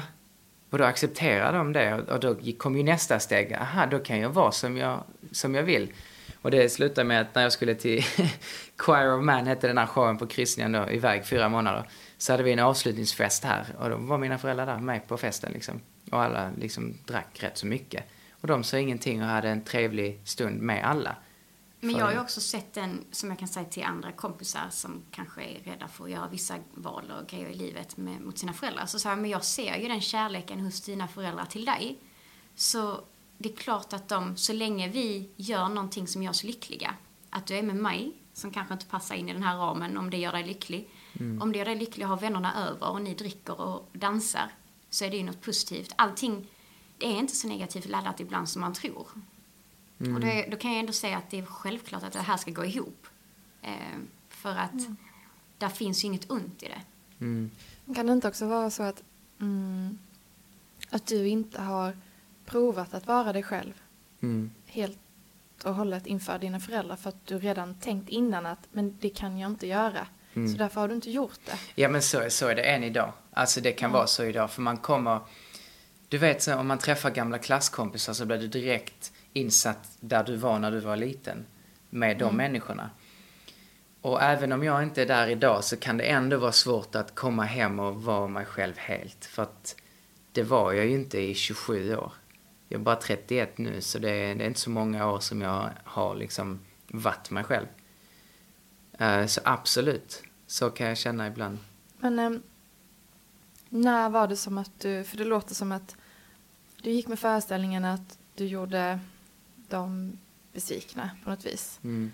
Ehm, att du levde, att i ditt liv så var det som att besvikelse är någonting stort inom dig. Ja. Men att du till slut bara, nej men jag väljer att inte göra mig själv besviken. Mm. Det är den det är det viktigaste. Absolut, det är 100% det viktigaste. Och det handlar ju också om att man är en bättre artist. För förr i tiden så, ja, jag la inte ut vissa videos för att jag kanske inte sjöng perfekt, men, eller rättare sagt för att andra människor skulle döma mig. Det där var inte perfekt. Och det betyder så mycket för mig. Eh, Men nu för tiden är det helt annorlunda. Jag lägger ut precis vad jag vill, jag skäms inte för att lägga ut det. Och är det inte perfekt, det är till och med de klippen ibland som flest folk tittar på. Men vi människor tycker om att se på en oslipad yta. Mm. Jag vet ju själv hur det känns när man kollar på någon. För det är lite trå, alltså, tröttsamt att bara bläddra över det perfektion, alltså, perfektionen Mm. på Instagram. Det är när du ser någonting som är äkta och där du känner igen dig. Det är där du, du når folk. Och det är det vi försöker jobba på. Mm. Men också du når nya människor. Alltså när, när du byter hur du är som person så försvinner många vänner i ditt liv. För att det är inte så du har varit. Och du når ut till nya människor genom att vara som du är och fortsätta vara som du är och då kommer rätt människor till dig. Kanske så jag träffade Nathalie. Ja, alltså, jag var absolut inte som jag är idag när vi träffades, men jag var på, Men på god väg. någonting. Ja, men jag sökte efter att vara... Ja, jag sökte att landa liksom. Eh, och jag såg också ett klipp på det. Det var en människa som förklarade att du har ett kapitel i ditt liv. Nathalies kapitel var ju då när hon gjorde märket. Och mitt kapitel är nog mycket senare i mitt liv. Att du, du gör allting för dig själv och allting bytas. Vissa människor stannar. Du har ju kanske två, tre riktigt bra vänner som alltid kommer stanna. Men alla de här andra byter när du blir någonting annat. Och egentligen så blir du bara vem du är. Och de har en annan bild av dig. Och det är också mycket dumma kommentarer som kan komma därifrån att ja men du vill inte festa längre och du vill inte, du vill inte gå ut och göra detta med mig och nej för i min värld så är det bortkastad tid. Jag bygger inte på mig själv, jag bygger inte på mitt märke, jag bygger inte på eh, mitt artisteri genom att gå och supa ner mig en kväll som man gjorde när man var yngre och, och festa. Jag har andra prioriteringar helt Du enkelt. kommer närmare ditt autentiska jag, tänker du nu att du pratar om Mm. Hur du liksom utvecklas. Ja men precis. Men kan ni känna att ni i ert förhållande har utvecklats i jämn takt, alltså sida vid sida? För ofta så, så tänker jag att man utvecklas lite, kanske olika snabbt i ett förhållande. Hänger ja, ni med ja, varandra? ja, nej, vi är absolut inte sida vid sida. Nej. Men vi har Daniel öppen klättrar. kommunikation med det. Daniel Klättra, du, du kör ju ditt race snabbt. Ja, alltså jag det jag går igenom har- landat när vi träffades. Ja, det jag går igenom sen pandemin har Nathalie redan gått igenom. Men jag kan ändå känna på, på en, från min sida att jag kan se exakt vad och hur hon har gått igenom det. Och känna att jag liksom, ja men jag är, jag håller på att landa där och hitta mitt och landa hemma i Sverige och jag, jag är på, på rätt väg tycker jag. Och jag har nog tålamodet och känslan och förståelsen eh, gentemot Daniel då, att, för att jag har varit där. Det är bara det, det är svårt att vara partner, som jag har förklarat för dig många gånger. För jag gick igenom den ensam. Men är det så att du på något vis ehm, har berett vägen för, för Daniel? Eller så pushat? Eller Ja, hur, ibland för hårt, Hur då? känner jag. Hur gjorde du då? Nej men för jag vet ju mina, eller det är ju konstigt, du behöver, behöver inte gå i mina steg, men jag vet ju mina steg. Vad som hände och hur jag kände och hur, Tvingade du Daniel att stiga upp klockan fyra varje nej men nästan. Alltså du, han vill ju gå upp klockan 12, vet du, gör en Ibland som artist. artist så gör man det. Ja. Nej men jag kan ju förklara mer vad, vad du har gjort, för jag vet ju. Ehm, för för mig så var det det som jag sa innan, det är rädslan jag hade att, att kanske synas bland människor som har känt mig förr. Så att vara på hemmaplan och sjunga på ett bröllop eller en begravning och där är en gammal vän eller bara någon bekant, alltså det var mardröm för mig innan. Det var så här, det här, jag vill inte sjunga här, jag vill inte synas, men den här, den här människan ska inte titta Är det på mig. grund av att du bryr dig om vad andra tycker? För att när jag var liten och växte upp så var, så var jag liksom inte den här människan som syntes jättemycket. Och det är jag kanske inte idag heller, men jag vet om att jag älskar att, sjunga. Och jag älskar att stå på scen och där älskar jag att synas. Ehm, men genom Nathalie så försvann den rädslan ju. För det var ju så här, men jag är inte... Hur då, genom Nathalie? Hur? För att hon sa, hon sa hela tiden att ja men det är ju inte hela världen. Eller det är väl inte så. Det var hon som fick mig att lägga ut klipp som jag kanske inte hade lagt ut i vanliga fall och så fick de massa views. Kan det ha att göra med hur Nathalies föräldrar har varit mot henne? Ja, 100 procent ja. 100 procent tror jag. Faktiskt. De har aldrig tyckt att jag ska skämmas av någonting. Bryr du dig om vad andra tycker, Nathalie? Gjorde. Eh, fram till min egen lilla förvandling. Typ. Ja men alltså man bryr sig, alltså jag bryr mig fortfarande vad folk tycker men jag tar inte in det. Förr så kunde jag ta in det och ta skada av det. Idag så, som vi sa innan, en dålig människa, eller en människa som mår dåligt behandlar andra dåligt, det kan bara vara en sån dag. Så då får man ju bara lära, lära sig att, ja men ta in, ta in och släppa det helt och hållet. Men jag var nog rädd för det förr, för eftersom jag aldrig kände mig helt hemma i, någon, i en värld där jag kände, jag kände inte mig fin, jag kände inte mig bra nog, jag kände inte att jag hade koll på vad jag ville göra med livet. När var, när var det menar du? När du det var innan jag, den här förvandlingen då, säg. Du kände inte dig fin och bra Nej. när du liksom hade köpt huset och var med mannen och... Alltså där du skulle Inte liksom vara. fullt ut som jag känner idag. Jag gjorde det på min nivå då. Ja. Men jag känner nu i efterhand att jag gjorde ju aldrig det när jag kollade på bilder. Att jag var så här, fan jag kände inte mig hemma. Och man kan se det på något sätt. Ehm, på den tiden i alla fall så kände inte jag mig så här hel. Så som jag kan göra idag. Bryr du dig om vad andra tycker? Vad är det det handlar om? Det var, ja. Eh, det, men det gjorde jag mer då. För att jag förmodligen inte kände mig hemma. Idag när jag vet vem Nathalie är och vad jag tycker om och vem jag är så jag, sku, jag har inte brytt mig på väldigt länge om vad andra tycker. Jag bryr mig om om jag gör fel. Den kan jag göra. För dig själv? Alltså om du tycker att det är fel eller? Ja, och om andra tycker. Den, eh, om jag har råkat säga, eftersom jag pratar mycket och flummigt och dumt och snabbt ibland, så kan jag vara rädd att jag skadar andra genom att säga någonting. Ja, du är frispråkig, Ja. tänker du? Ja, det kan man väl säga. Eh, Det har jag fått hämma mig lite. Jag tror jag var ännu mer frispråkig när jag träffade Daniel. Men jag, så den kan jag känna att jag, Men jag tror också det mig om. kommer från dina föräldrar. Eh, liksom att, att jag brydde mig så mycket kommer från mina, för det var så jag var Mm. uppväxt. Att bry mig. De brydde sig om jag gjorde fel.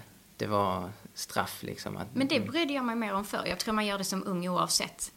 Alltså när du är barn vill du se ut som alla andra, för Men jag annars så tror, är det fel. alltså liksom. helt ärligt så tror jag att det kommer från din uppväxt. Ja, det är klart du brydde dig för att man gör, man gör det som barn. Men jag tror att vissa får det svårare än andra Mm. på grund av hur det är hemma. För dina problem rotar sig alltid Mm. i din familj. Hur är du uppväxt? Hur var dina syskon? Har du syskon? Men det är mycket Alltså, om hur vännerna är runt om och hur allt, allt annat spelar också in. Ja, men det, det kommer, grunden är där. Mm. Föräldrar. Där är din grund. Det är så du är uppbyggd och det är den du måste lära dig att det är min demon. Och min är att, ja men jag kände mig inte hemma. Då måste jag lära mig på något annat sätt att vända på det.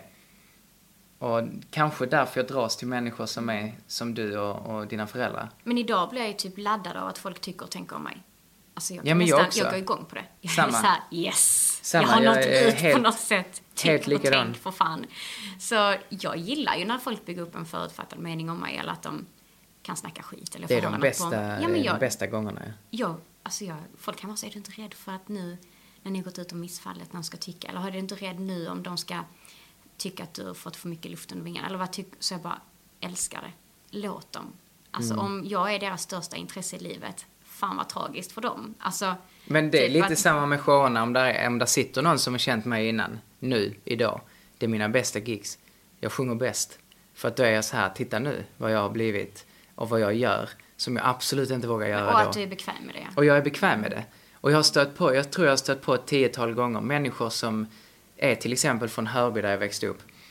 Eh, där jag märker att ja, men jag är så mycket friare än vad de är och jag älskar det jag gör och vad han eller hon tycker när han lever ett sånt liv jag absolut inte vill leva betyder ju ingenting. Men Alls. Alltså den känner inte jag heller. Jag, absolut inte. Det enda är att, gud jag vill inte klampa dem på fötterna eller säga fel, någonting som blir fel liksom. Men ni har byggt upp ett mod, skulle jag ändå säga. Du sa vi är inte modiga, vi lever bara som vi vill.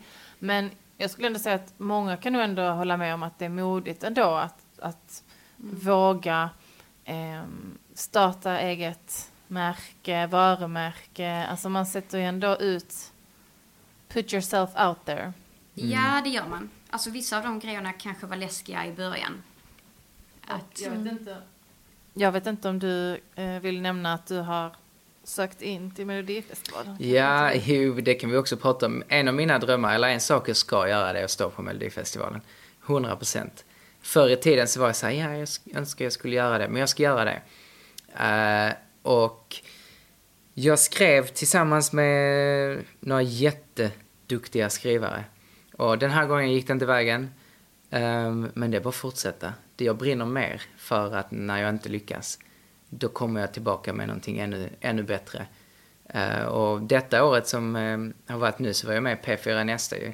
Och där fick jag massa kontakter genom radion när de har spelat min låt. Och eh, det är bara att skicka in dit igen, kör dit igen. Lämna en låt där, fortsätt att köra liksom. Så just nu är jag i processen av att skriva nya låtar och bara fortsätta. Och sen är det att göra obekväma saker längs vägen. Mm. Alltså att gå ut med missfallet i tidningen var ju det mest obekväma jag gjort Ja, hittills. det har ni gjort. Ja. Mm. Vadå i tidningen? Eh, Trelleborgs Allehanda. De, Alltså de läste hennes, eller de kollar på hennes story och Vi har varit med hit. där ett par gånger men då har det varit av positiva anledningar. Då har det Mm. varit typ ja, men, om våra karriärer och eh, sånt där. Och då är man lite cool. Då känner man att det här är nice, det här kan folk läsa om. Men att sätta sig ut där som ett, inte ett offer, men det blir ju att du visar en väldigt sårbar sida helt plötsligt. Den är vi, ingen av oss direkt. Fast en sjukt vanlig, det är det som är det konstiga, en sjukt vanlig sida. Det händer så många. Men alla har ju den sidan i sina kroppar, det. men nej, men man pratar inte om det. Och jag kan, den, jag går igång på rädslor idag på ett annat sätt än vad jag gjorde förr. Så när jag kände att, nej fy fan, det gör jag inte när de skrev och frågade. Och så var jag, men om inte jag, vem gör det då? Om jag får den känslan som ändå kan stå på en scen och du kan stå på en scen och vi, men då är det vi som måste göra det. Men det är ju jättespännande det du säger att du går igång på rädsla. Mm. För jag tror det är många som, när, när många känner en känsla av rädsla så backar man. Mm. Men det är ju Och så vanligt. backar man ännu Mm. mer och ännu mer. Mm. Men hur, arbet... hur arbetar du eller ni med den här känslan av okej, det här vill jag, det här vill jag inte. Och Fast sen, jag känner att vi oftast blir mötta med det att det här måste vi göra ändå.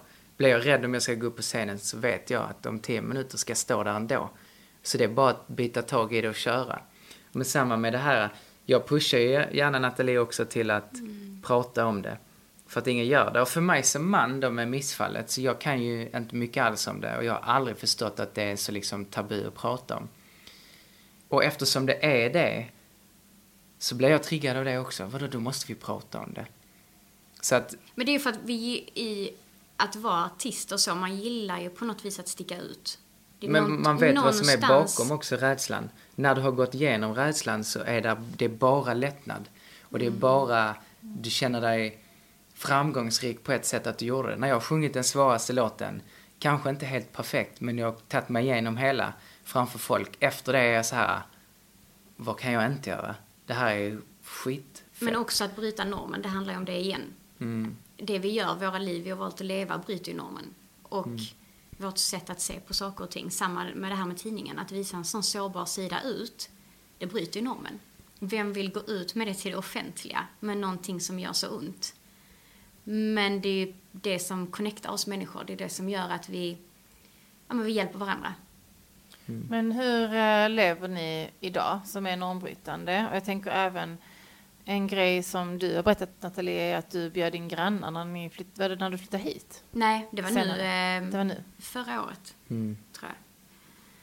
Men det är ju, vi passar ju inte riktigt in i, alltså Sverige är ju något litet rutmönster egentligen. Vi lever lite i en box, vi ska leva lite likadant alla. Vi vill, kan inte berätta att vi är bättre än någon annan eller att vi har fått en löneförhöjning eller ett bättre, alltså vi är väldigt hämmade i mycket.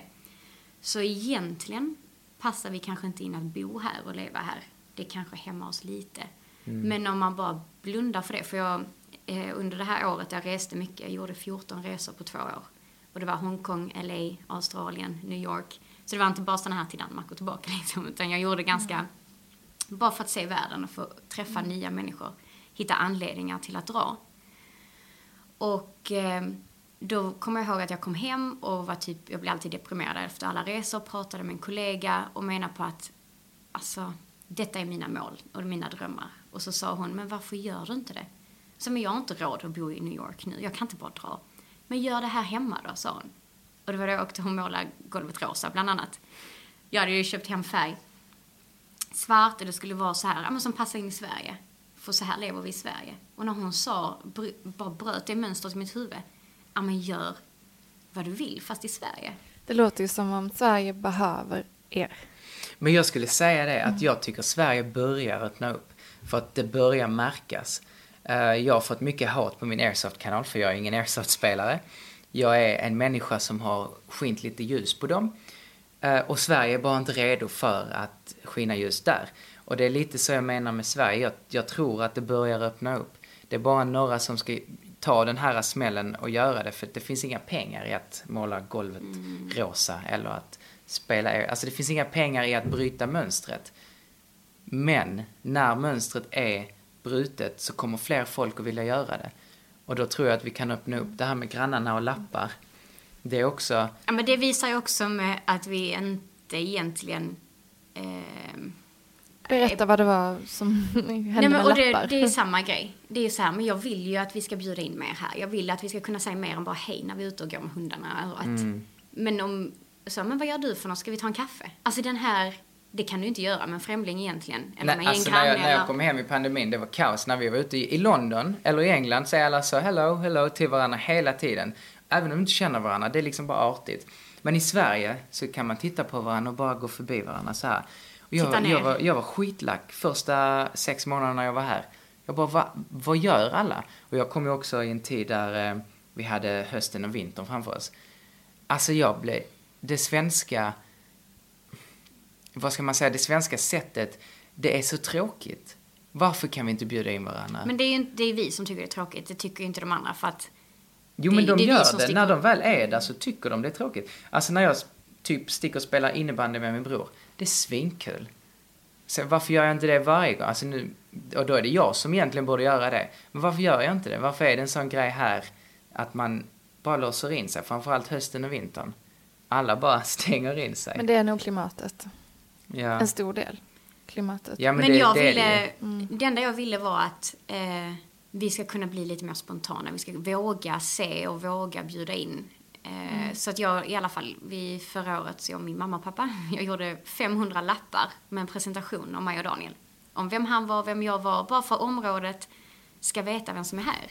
För jag känner så, vi har ingen aning. Jag har ingen aning om det är någon cool fotograf som bor rakt över eller som jag kan samarbeta med eller en pianist till dig eller whatever. För man, man, man vet ju inte var man ska börja ibland. Så jag bara, men vi går ut, vi gör en presentation så kanske detta kan följa vidare. Tänk om någon annan gör det.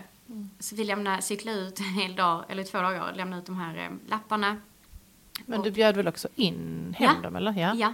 Och på den stod det att, alltså från mitt håll, så skulle jag kunna bjuda in på en gratis sminkkurs för alla i hushållet som vill. Och då var det bara mejla till den här mejladressen så kommer ni få svar med utvalda datum där ni kan joina. Och då tar man med sig kaffekaka, det är som vi gör i Sverige, alltså för att mysa. 15 stycken hörde av sig av- av 500. Mm. Där har vi procenten. Vad blir det? En, noll, eller 7 procent, tror jag. 7 procent av, eh, om inte jag är helt, ja ja. ja. Men jag känner ju väldigt mycket lycka i kroppen för att eh, min mamma är från Kina och vi har släkt i USA och vi har bott där och rest dit jätte, jättemycket. Och varje gång jag kom hem så kände jag mig så deppig. Och jag bara, varför lever jag i detta land? Varför? Ehm, men det är ju så att om alla som egentligen vill till det roliga Mm. skulle lämna Sverige, det hade varit fruktansvärt. Ja, ett kaos. Vi måste ju stanna. Ja. Ni måste ju, eller måste, måste, men, men det är ju det som är så fint för att den eh, gödningen behövs ju till den här jorden, till den här marken för att det ska kunna växa och spira någonting här också. Mm. Det tar tid och det är motigt och det är jobbigt men vilken potential som Mm. finns. Men, Men å andra sidan så väldigt- fiskar vi upp de som är som oss. Man kan ju inte Ja. få ut alla ur sina skal.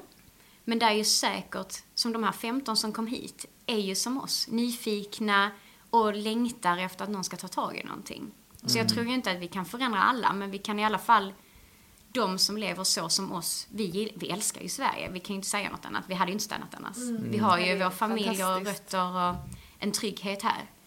Så hade vi hatat Sverige hade vi ju stuckit. Men vi saknar mycket i Sverige.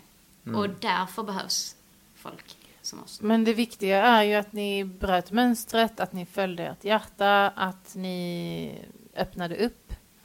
Och också tror jag att, som Daniel sa, att, att vara i sin rädsla. Att gå igenom sin rädsla för att på andra sidan så löser saker upp sig. Mm. Det är nog jätteviktigt. Mm. En viktig grej att, eh, att rädslan inte får hindra oss hela tiden. Men det är, Ja. det är lite så vi är lärda, det är så vi är skapta, att rädsla flyr man från. Det är någonting du inte egentligen ska handskas med på något Mm. sätt. Så, men, eh, nej jag tror nog bara att folk ska mer våga göra, inte, ja men börja göra någonting i den riktningen de hade tyckt om.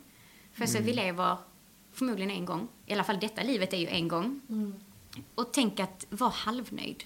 Eller att gå till ett jobb du inte tycker om. Eller att leva med någon du kanske inte riktigt vill leva med. Jag är så här, okej, men så varför lever du ens? Alltså varför, vad gör du här? Alltså, Men något som känns viktigt i det ni säger är ju att det är du själv som har makten. ja. Mm, precis. Du kan förändra. Mm. Och du måste kanske inte nödvändigtvis ha en massa pengar för att göra det. Absolut inte. Alltså så som vi har levt när jag 2018 bor i ett hus utan jobb. Eller när du kommer hit i pandemin och vi båda står utan jobb, utan hjälp från Sverige. Vi hade noll. Ja, det, Alltså- var helt, det var helt sjukt. Alltså vi skrapar Men- ihop och, du, och det är som jag säger till många, och speciellt de som lever i förhållande och den ena inte vågar säga upp sig. Så bara vi har levt båda utan jobb. Du klarar det. Ni kan leva på en lön för att era fasta kostnader är inte så stora som du tror.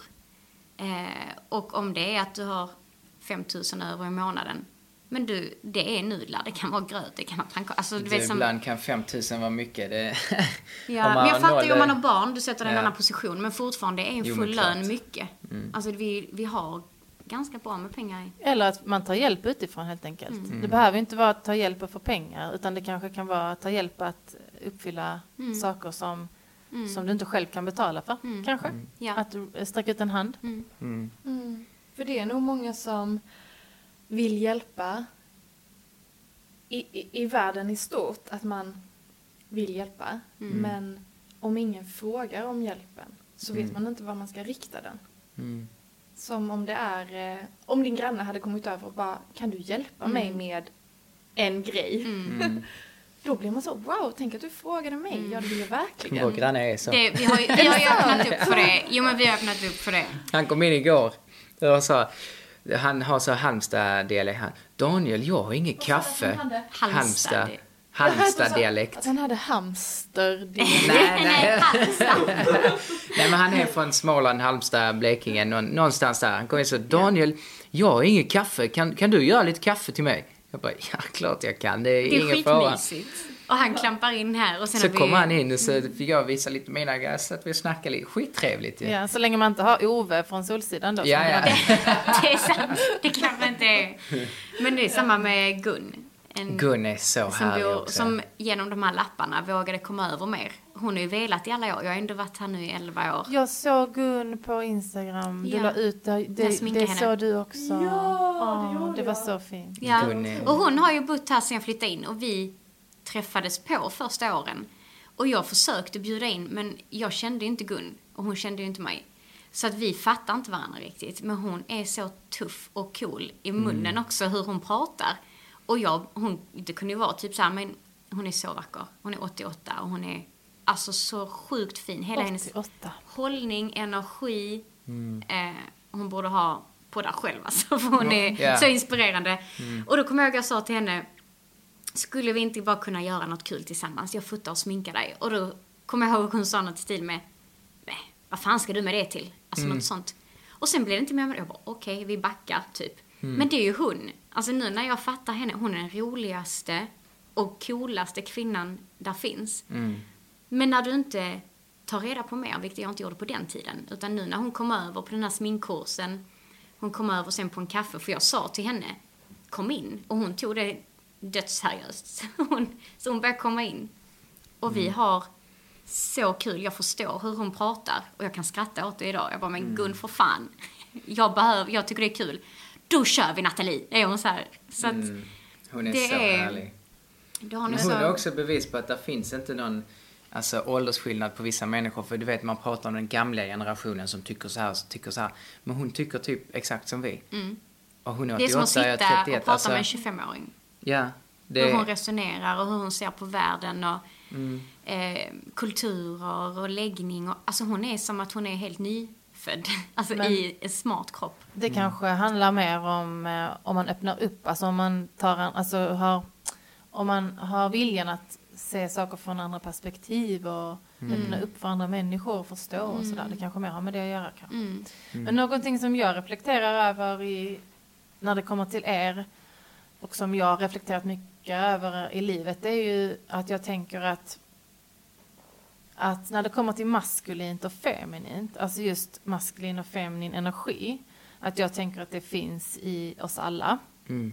Och att i vissa då män, eh, eller som ser sig som män, så finns det mycket feminin energi trots att de är män och tvärtom med kvinnor.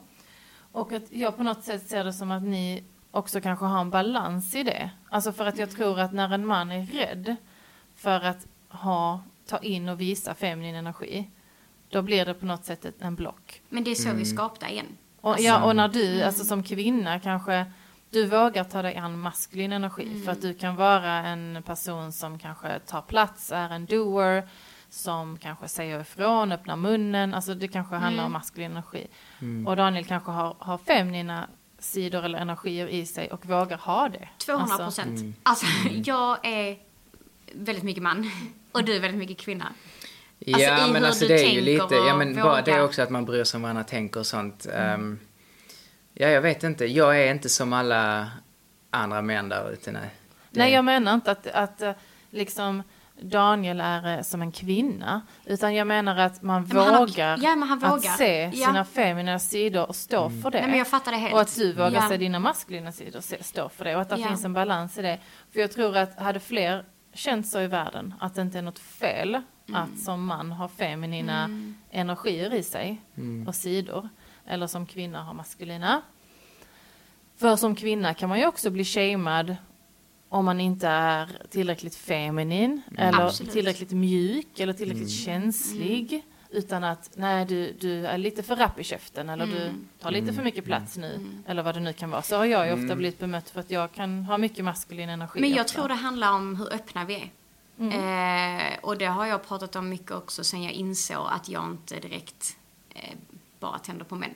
Alltså för att jag kan känna att vi alla har det här inrutade systemet från vi föds. Eh, med att, med hur vi ska tycka, hur vi ska tänka. Och många kreativa människor som jag ser i min bransch, makeupartister, eh, frisörer, fotografer eller som er, alltså som har något kreativt i sig eller brinner för någonting. Eh, och har kanske vågat eh, lära känna sig själv och vågat känna annat än vad som står i en bok eller vad som eh, hörs i skolan. Så tror jag att vi, inte alla, men många av oss är mer öppna än vad vi tror.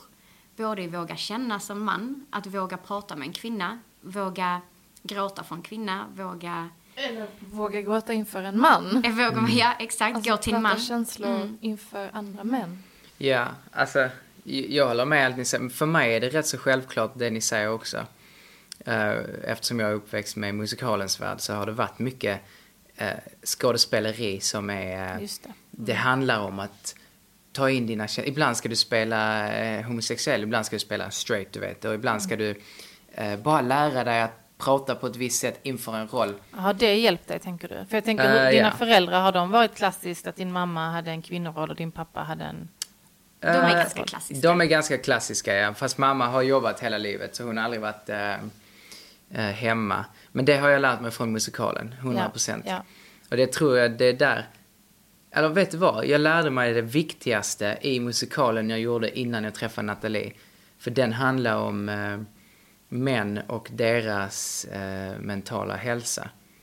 Den hette Choir of Man och vi var nästan alltid nio grabbar som var felplacerade på scenen. Jag var den enda som var alltså så här som hade stått och gjort musikaler. De andra var liksom så här män. Ja, var det meningen att det skulle vara Det, så? det var meningen. Olika Men- stereotyper av män. Olika stereotyper av män, ja. Men alla var män, typ. Men de här männen på scenen, de pratade känslor. Och de sjöng. Alltså, oh, wow, är det sant? ja, ja, alltså... Den är hittade ni de här männen? Nej men alla är musikalartister så som Daniel. Det är bara att Nej, nej, nej, alltså, fast, någon på- nej, det är de inte. Alla är inte musikalartister. De är specifikt, för vissa av dem är specifikt för den rollen. Eh, men många var musikalartister såklart. Men det var en som var byggare, Louis. Han är, var eh, min kompis som heter Louis. Han är en man. Han är, han är en grott, Macho. ja, grottmänniska. Fast han är inte cool så här. Men han är liksom en hårig man som pratar mörkt. Och så här. han är är från England man, du vet. Alltså- Men sen när han börjar prata på scenen då. Och vi sjunger som inte är manligt enligt många män. Så det blev favoritshowen hos män. För att de kom dit med sina tjejer och ville inte titta på en musikal. Och sen är det vi som står där och, och sjunger liksom. Jättefint ibland och jättemacho ibland och jättekvinnligt ibland. Eh, men då blev det verkligen en sån för mig att det här har jag lärt mig enormt mycket av. Kan man se det här någonstans? Choir of Man? Det, ja, ja, det finns Det är en överallt. Broadway-show nu i London. Inte Eh, då är, det är den på West End, Nathalie. Oj, Men- Broadway-show. Ja, West End, förlåt. Men, jag mixade eh, med, med vet New York. Nej, den, finns, den finns på West End. Det var bland annat den jag skulle göra i Las Vegas nu igen. För de öppnar upp på lite olika ställen. eh, För att den är så extremt populär. Men kan man se den alltså eh, digitalt? Mm, alltså jag har ju show, jag var showkapten där så jag Men hade... det är inte samma grej. Man, man borde gå och se Ni den. borde gå och se Ja. den alltså. Alltså det är verkligen... Alltså det det öppnar så många dörrar för människor som inte tror att de ska öppna de dörrarna. Men Så just för är- män, män och För män, alltså psykiska- den handlar, den handlar om män. Att ta emot deras feminina sidor. Tror ni inte att också. många nycklar kan ligga där? Jo, 100 I Just procent. det här vi pratar om nu. Mm. För att jag har pratat med Linn också om att jag ser eh, en del artister är det ju framförallt, Mm. men offentliga män som jag anser, ka- som jag kallar för den nya mannen. Mm. Alltså att det finns vissa män i min eh, närhet eller som jag ser eh, på sociala medier typ. Som jag brukar kalla den nya mannen. Och det är ju personer som vågar ta in det feminina. Alltså män som vågar göra det. Mm. Men utan våga att- känna framförallt tror jag. Ja, men också Mm. klä sig kanske Mm. som man inte annars ska. Mm. och så vidare och så vidare. Eller bara... Och jag tror att det är samma för, för kvinnor ju, att man ska våga ha båda sidor. Men jag tror ändå att den feminina energin är ju mjukare på många sätt. Mm. Den, den beter sig annorlunda än den maskulina. Den, den tar lite längre tid. Den har mer, kanske mer tålamod och, och så. Och att den energin också... Och att, att den känner in, in är inkännande. Och att den energin behöver ta lite mer plats i världen. Och sen hur det ska hända då, det behöver ju inte vara liksom med näven upp. Utan jag menar att... Eh, Att det ska bli mer okej bara. ja. Men det har ju inte varit det. Det är ju mer förlåtande, mer okej, mer man ser över om en tjej är mer maskulin. Än om en man är mer feminin. Ja, men därför Ja. det har ju varit en grej som, för, alltså, ja, men kanske. Men, men både det, homosexuella, ordet bög är negativt laddat. Allting sånt är ju, men det handlar ju aldrig om kvinnor. Utan det är bara män som är feminina som vi egentligen har varit rädda för. Ja, men det, handlar ju, det handlar ju om mäns mentala hälsa och massa självmord som Mm. händer på grund av... Alltså, återigen, den showen vi gör, eller gjorde, som jag gjorde var... Det handlar om det. Mm. Att även om du är en stor hårig man så har du, nega, äh, inte negativa, feminina sidor. Eh, och då måste du också, du måste också prata. Men det, är ju, vilket det har är inte varit feminint laddat. Det har inte varit tillåtet. Vilket är helt sjukt. Mm. Varför är det inte det? Det tror jag har jättemycket med kultur att göra. Mm. Mm. Att det bara suttit, sitter i. Ja. För jag fick ju höra när jag blev tillsammans med en tjej, då var det så här, åh, vilken tur att det är en tjej. Alltså att det är så, för att det är inte lika, det hade inte varit lika okej om du, du var en man som blev tillsammans med en kille. Alltså att det, Mm, alltså, vilken tur att du är tjej. ja, att du är gay och att du är tjej. Mm, Alltså att det, ja, men där kan man nog säga mycket. mm. men, nej men och det är igen, för att det är, kvinnor blir inte alltså lika bedömda om de klär sig maskulint på stan. Eller går med en tjej i handen. Nej, kanske inte. Alltså men förstår jag, hela den här grejen att vara kvinna och ha den maskulina Fast det, det finns nog många sidor av myntet. För att jag har en, en väldigt nära vän som är, är gay, en tjej då. Och hon får ju ofta höra av män då. Att hon är för snygg för att vara gay. Och du vet, det Absolut, men de finns finns. Nej, men, det, men det är bara det, det finns ingen rädsla. Och inget hat. Alltså så som det finns nej. mot män, vad jag har fått se. Nej. Nu har jag fått se Balkansidan också. Den är ännu hårdare. Ja. Men då är det mer... ehm, nej men det är hårdare mot att vara feminin som man. Men jag tänkte lite på, din pappa är ju kanske, är han är ganska feminin som man? Ja, det är han. Och hur är det i Balkankulturen då? I din uppväxt? Fast har ju- han är inte feminin på det sättet att han skulle vara... Nej, men han har visat dig andra sidor av en man i alla fall. Absolut. Men han har dem på det sättet att... Alltså jag vet inte hur jag ska förklara pappa, men han... Det, han, han är ett original. Alltså det, jag men vet han inte har riktigt. Mm. absolut mycket feminint i sig. Alltså, och han, det är inget han skäms över. Han har alltid dansat och showat och haft symaskinen framme och varit liksom... Ja, jag menar inte att man behöver eh, Nej, klä ut sig till nej, kvinna liksom. nej, nej, nej, utan- men alltså även den sidan också, kunna vara mjuk och kunna prata, lyssna ehm, och inte vara så macho liksom. Mm. Och stå för det. Mm.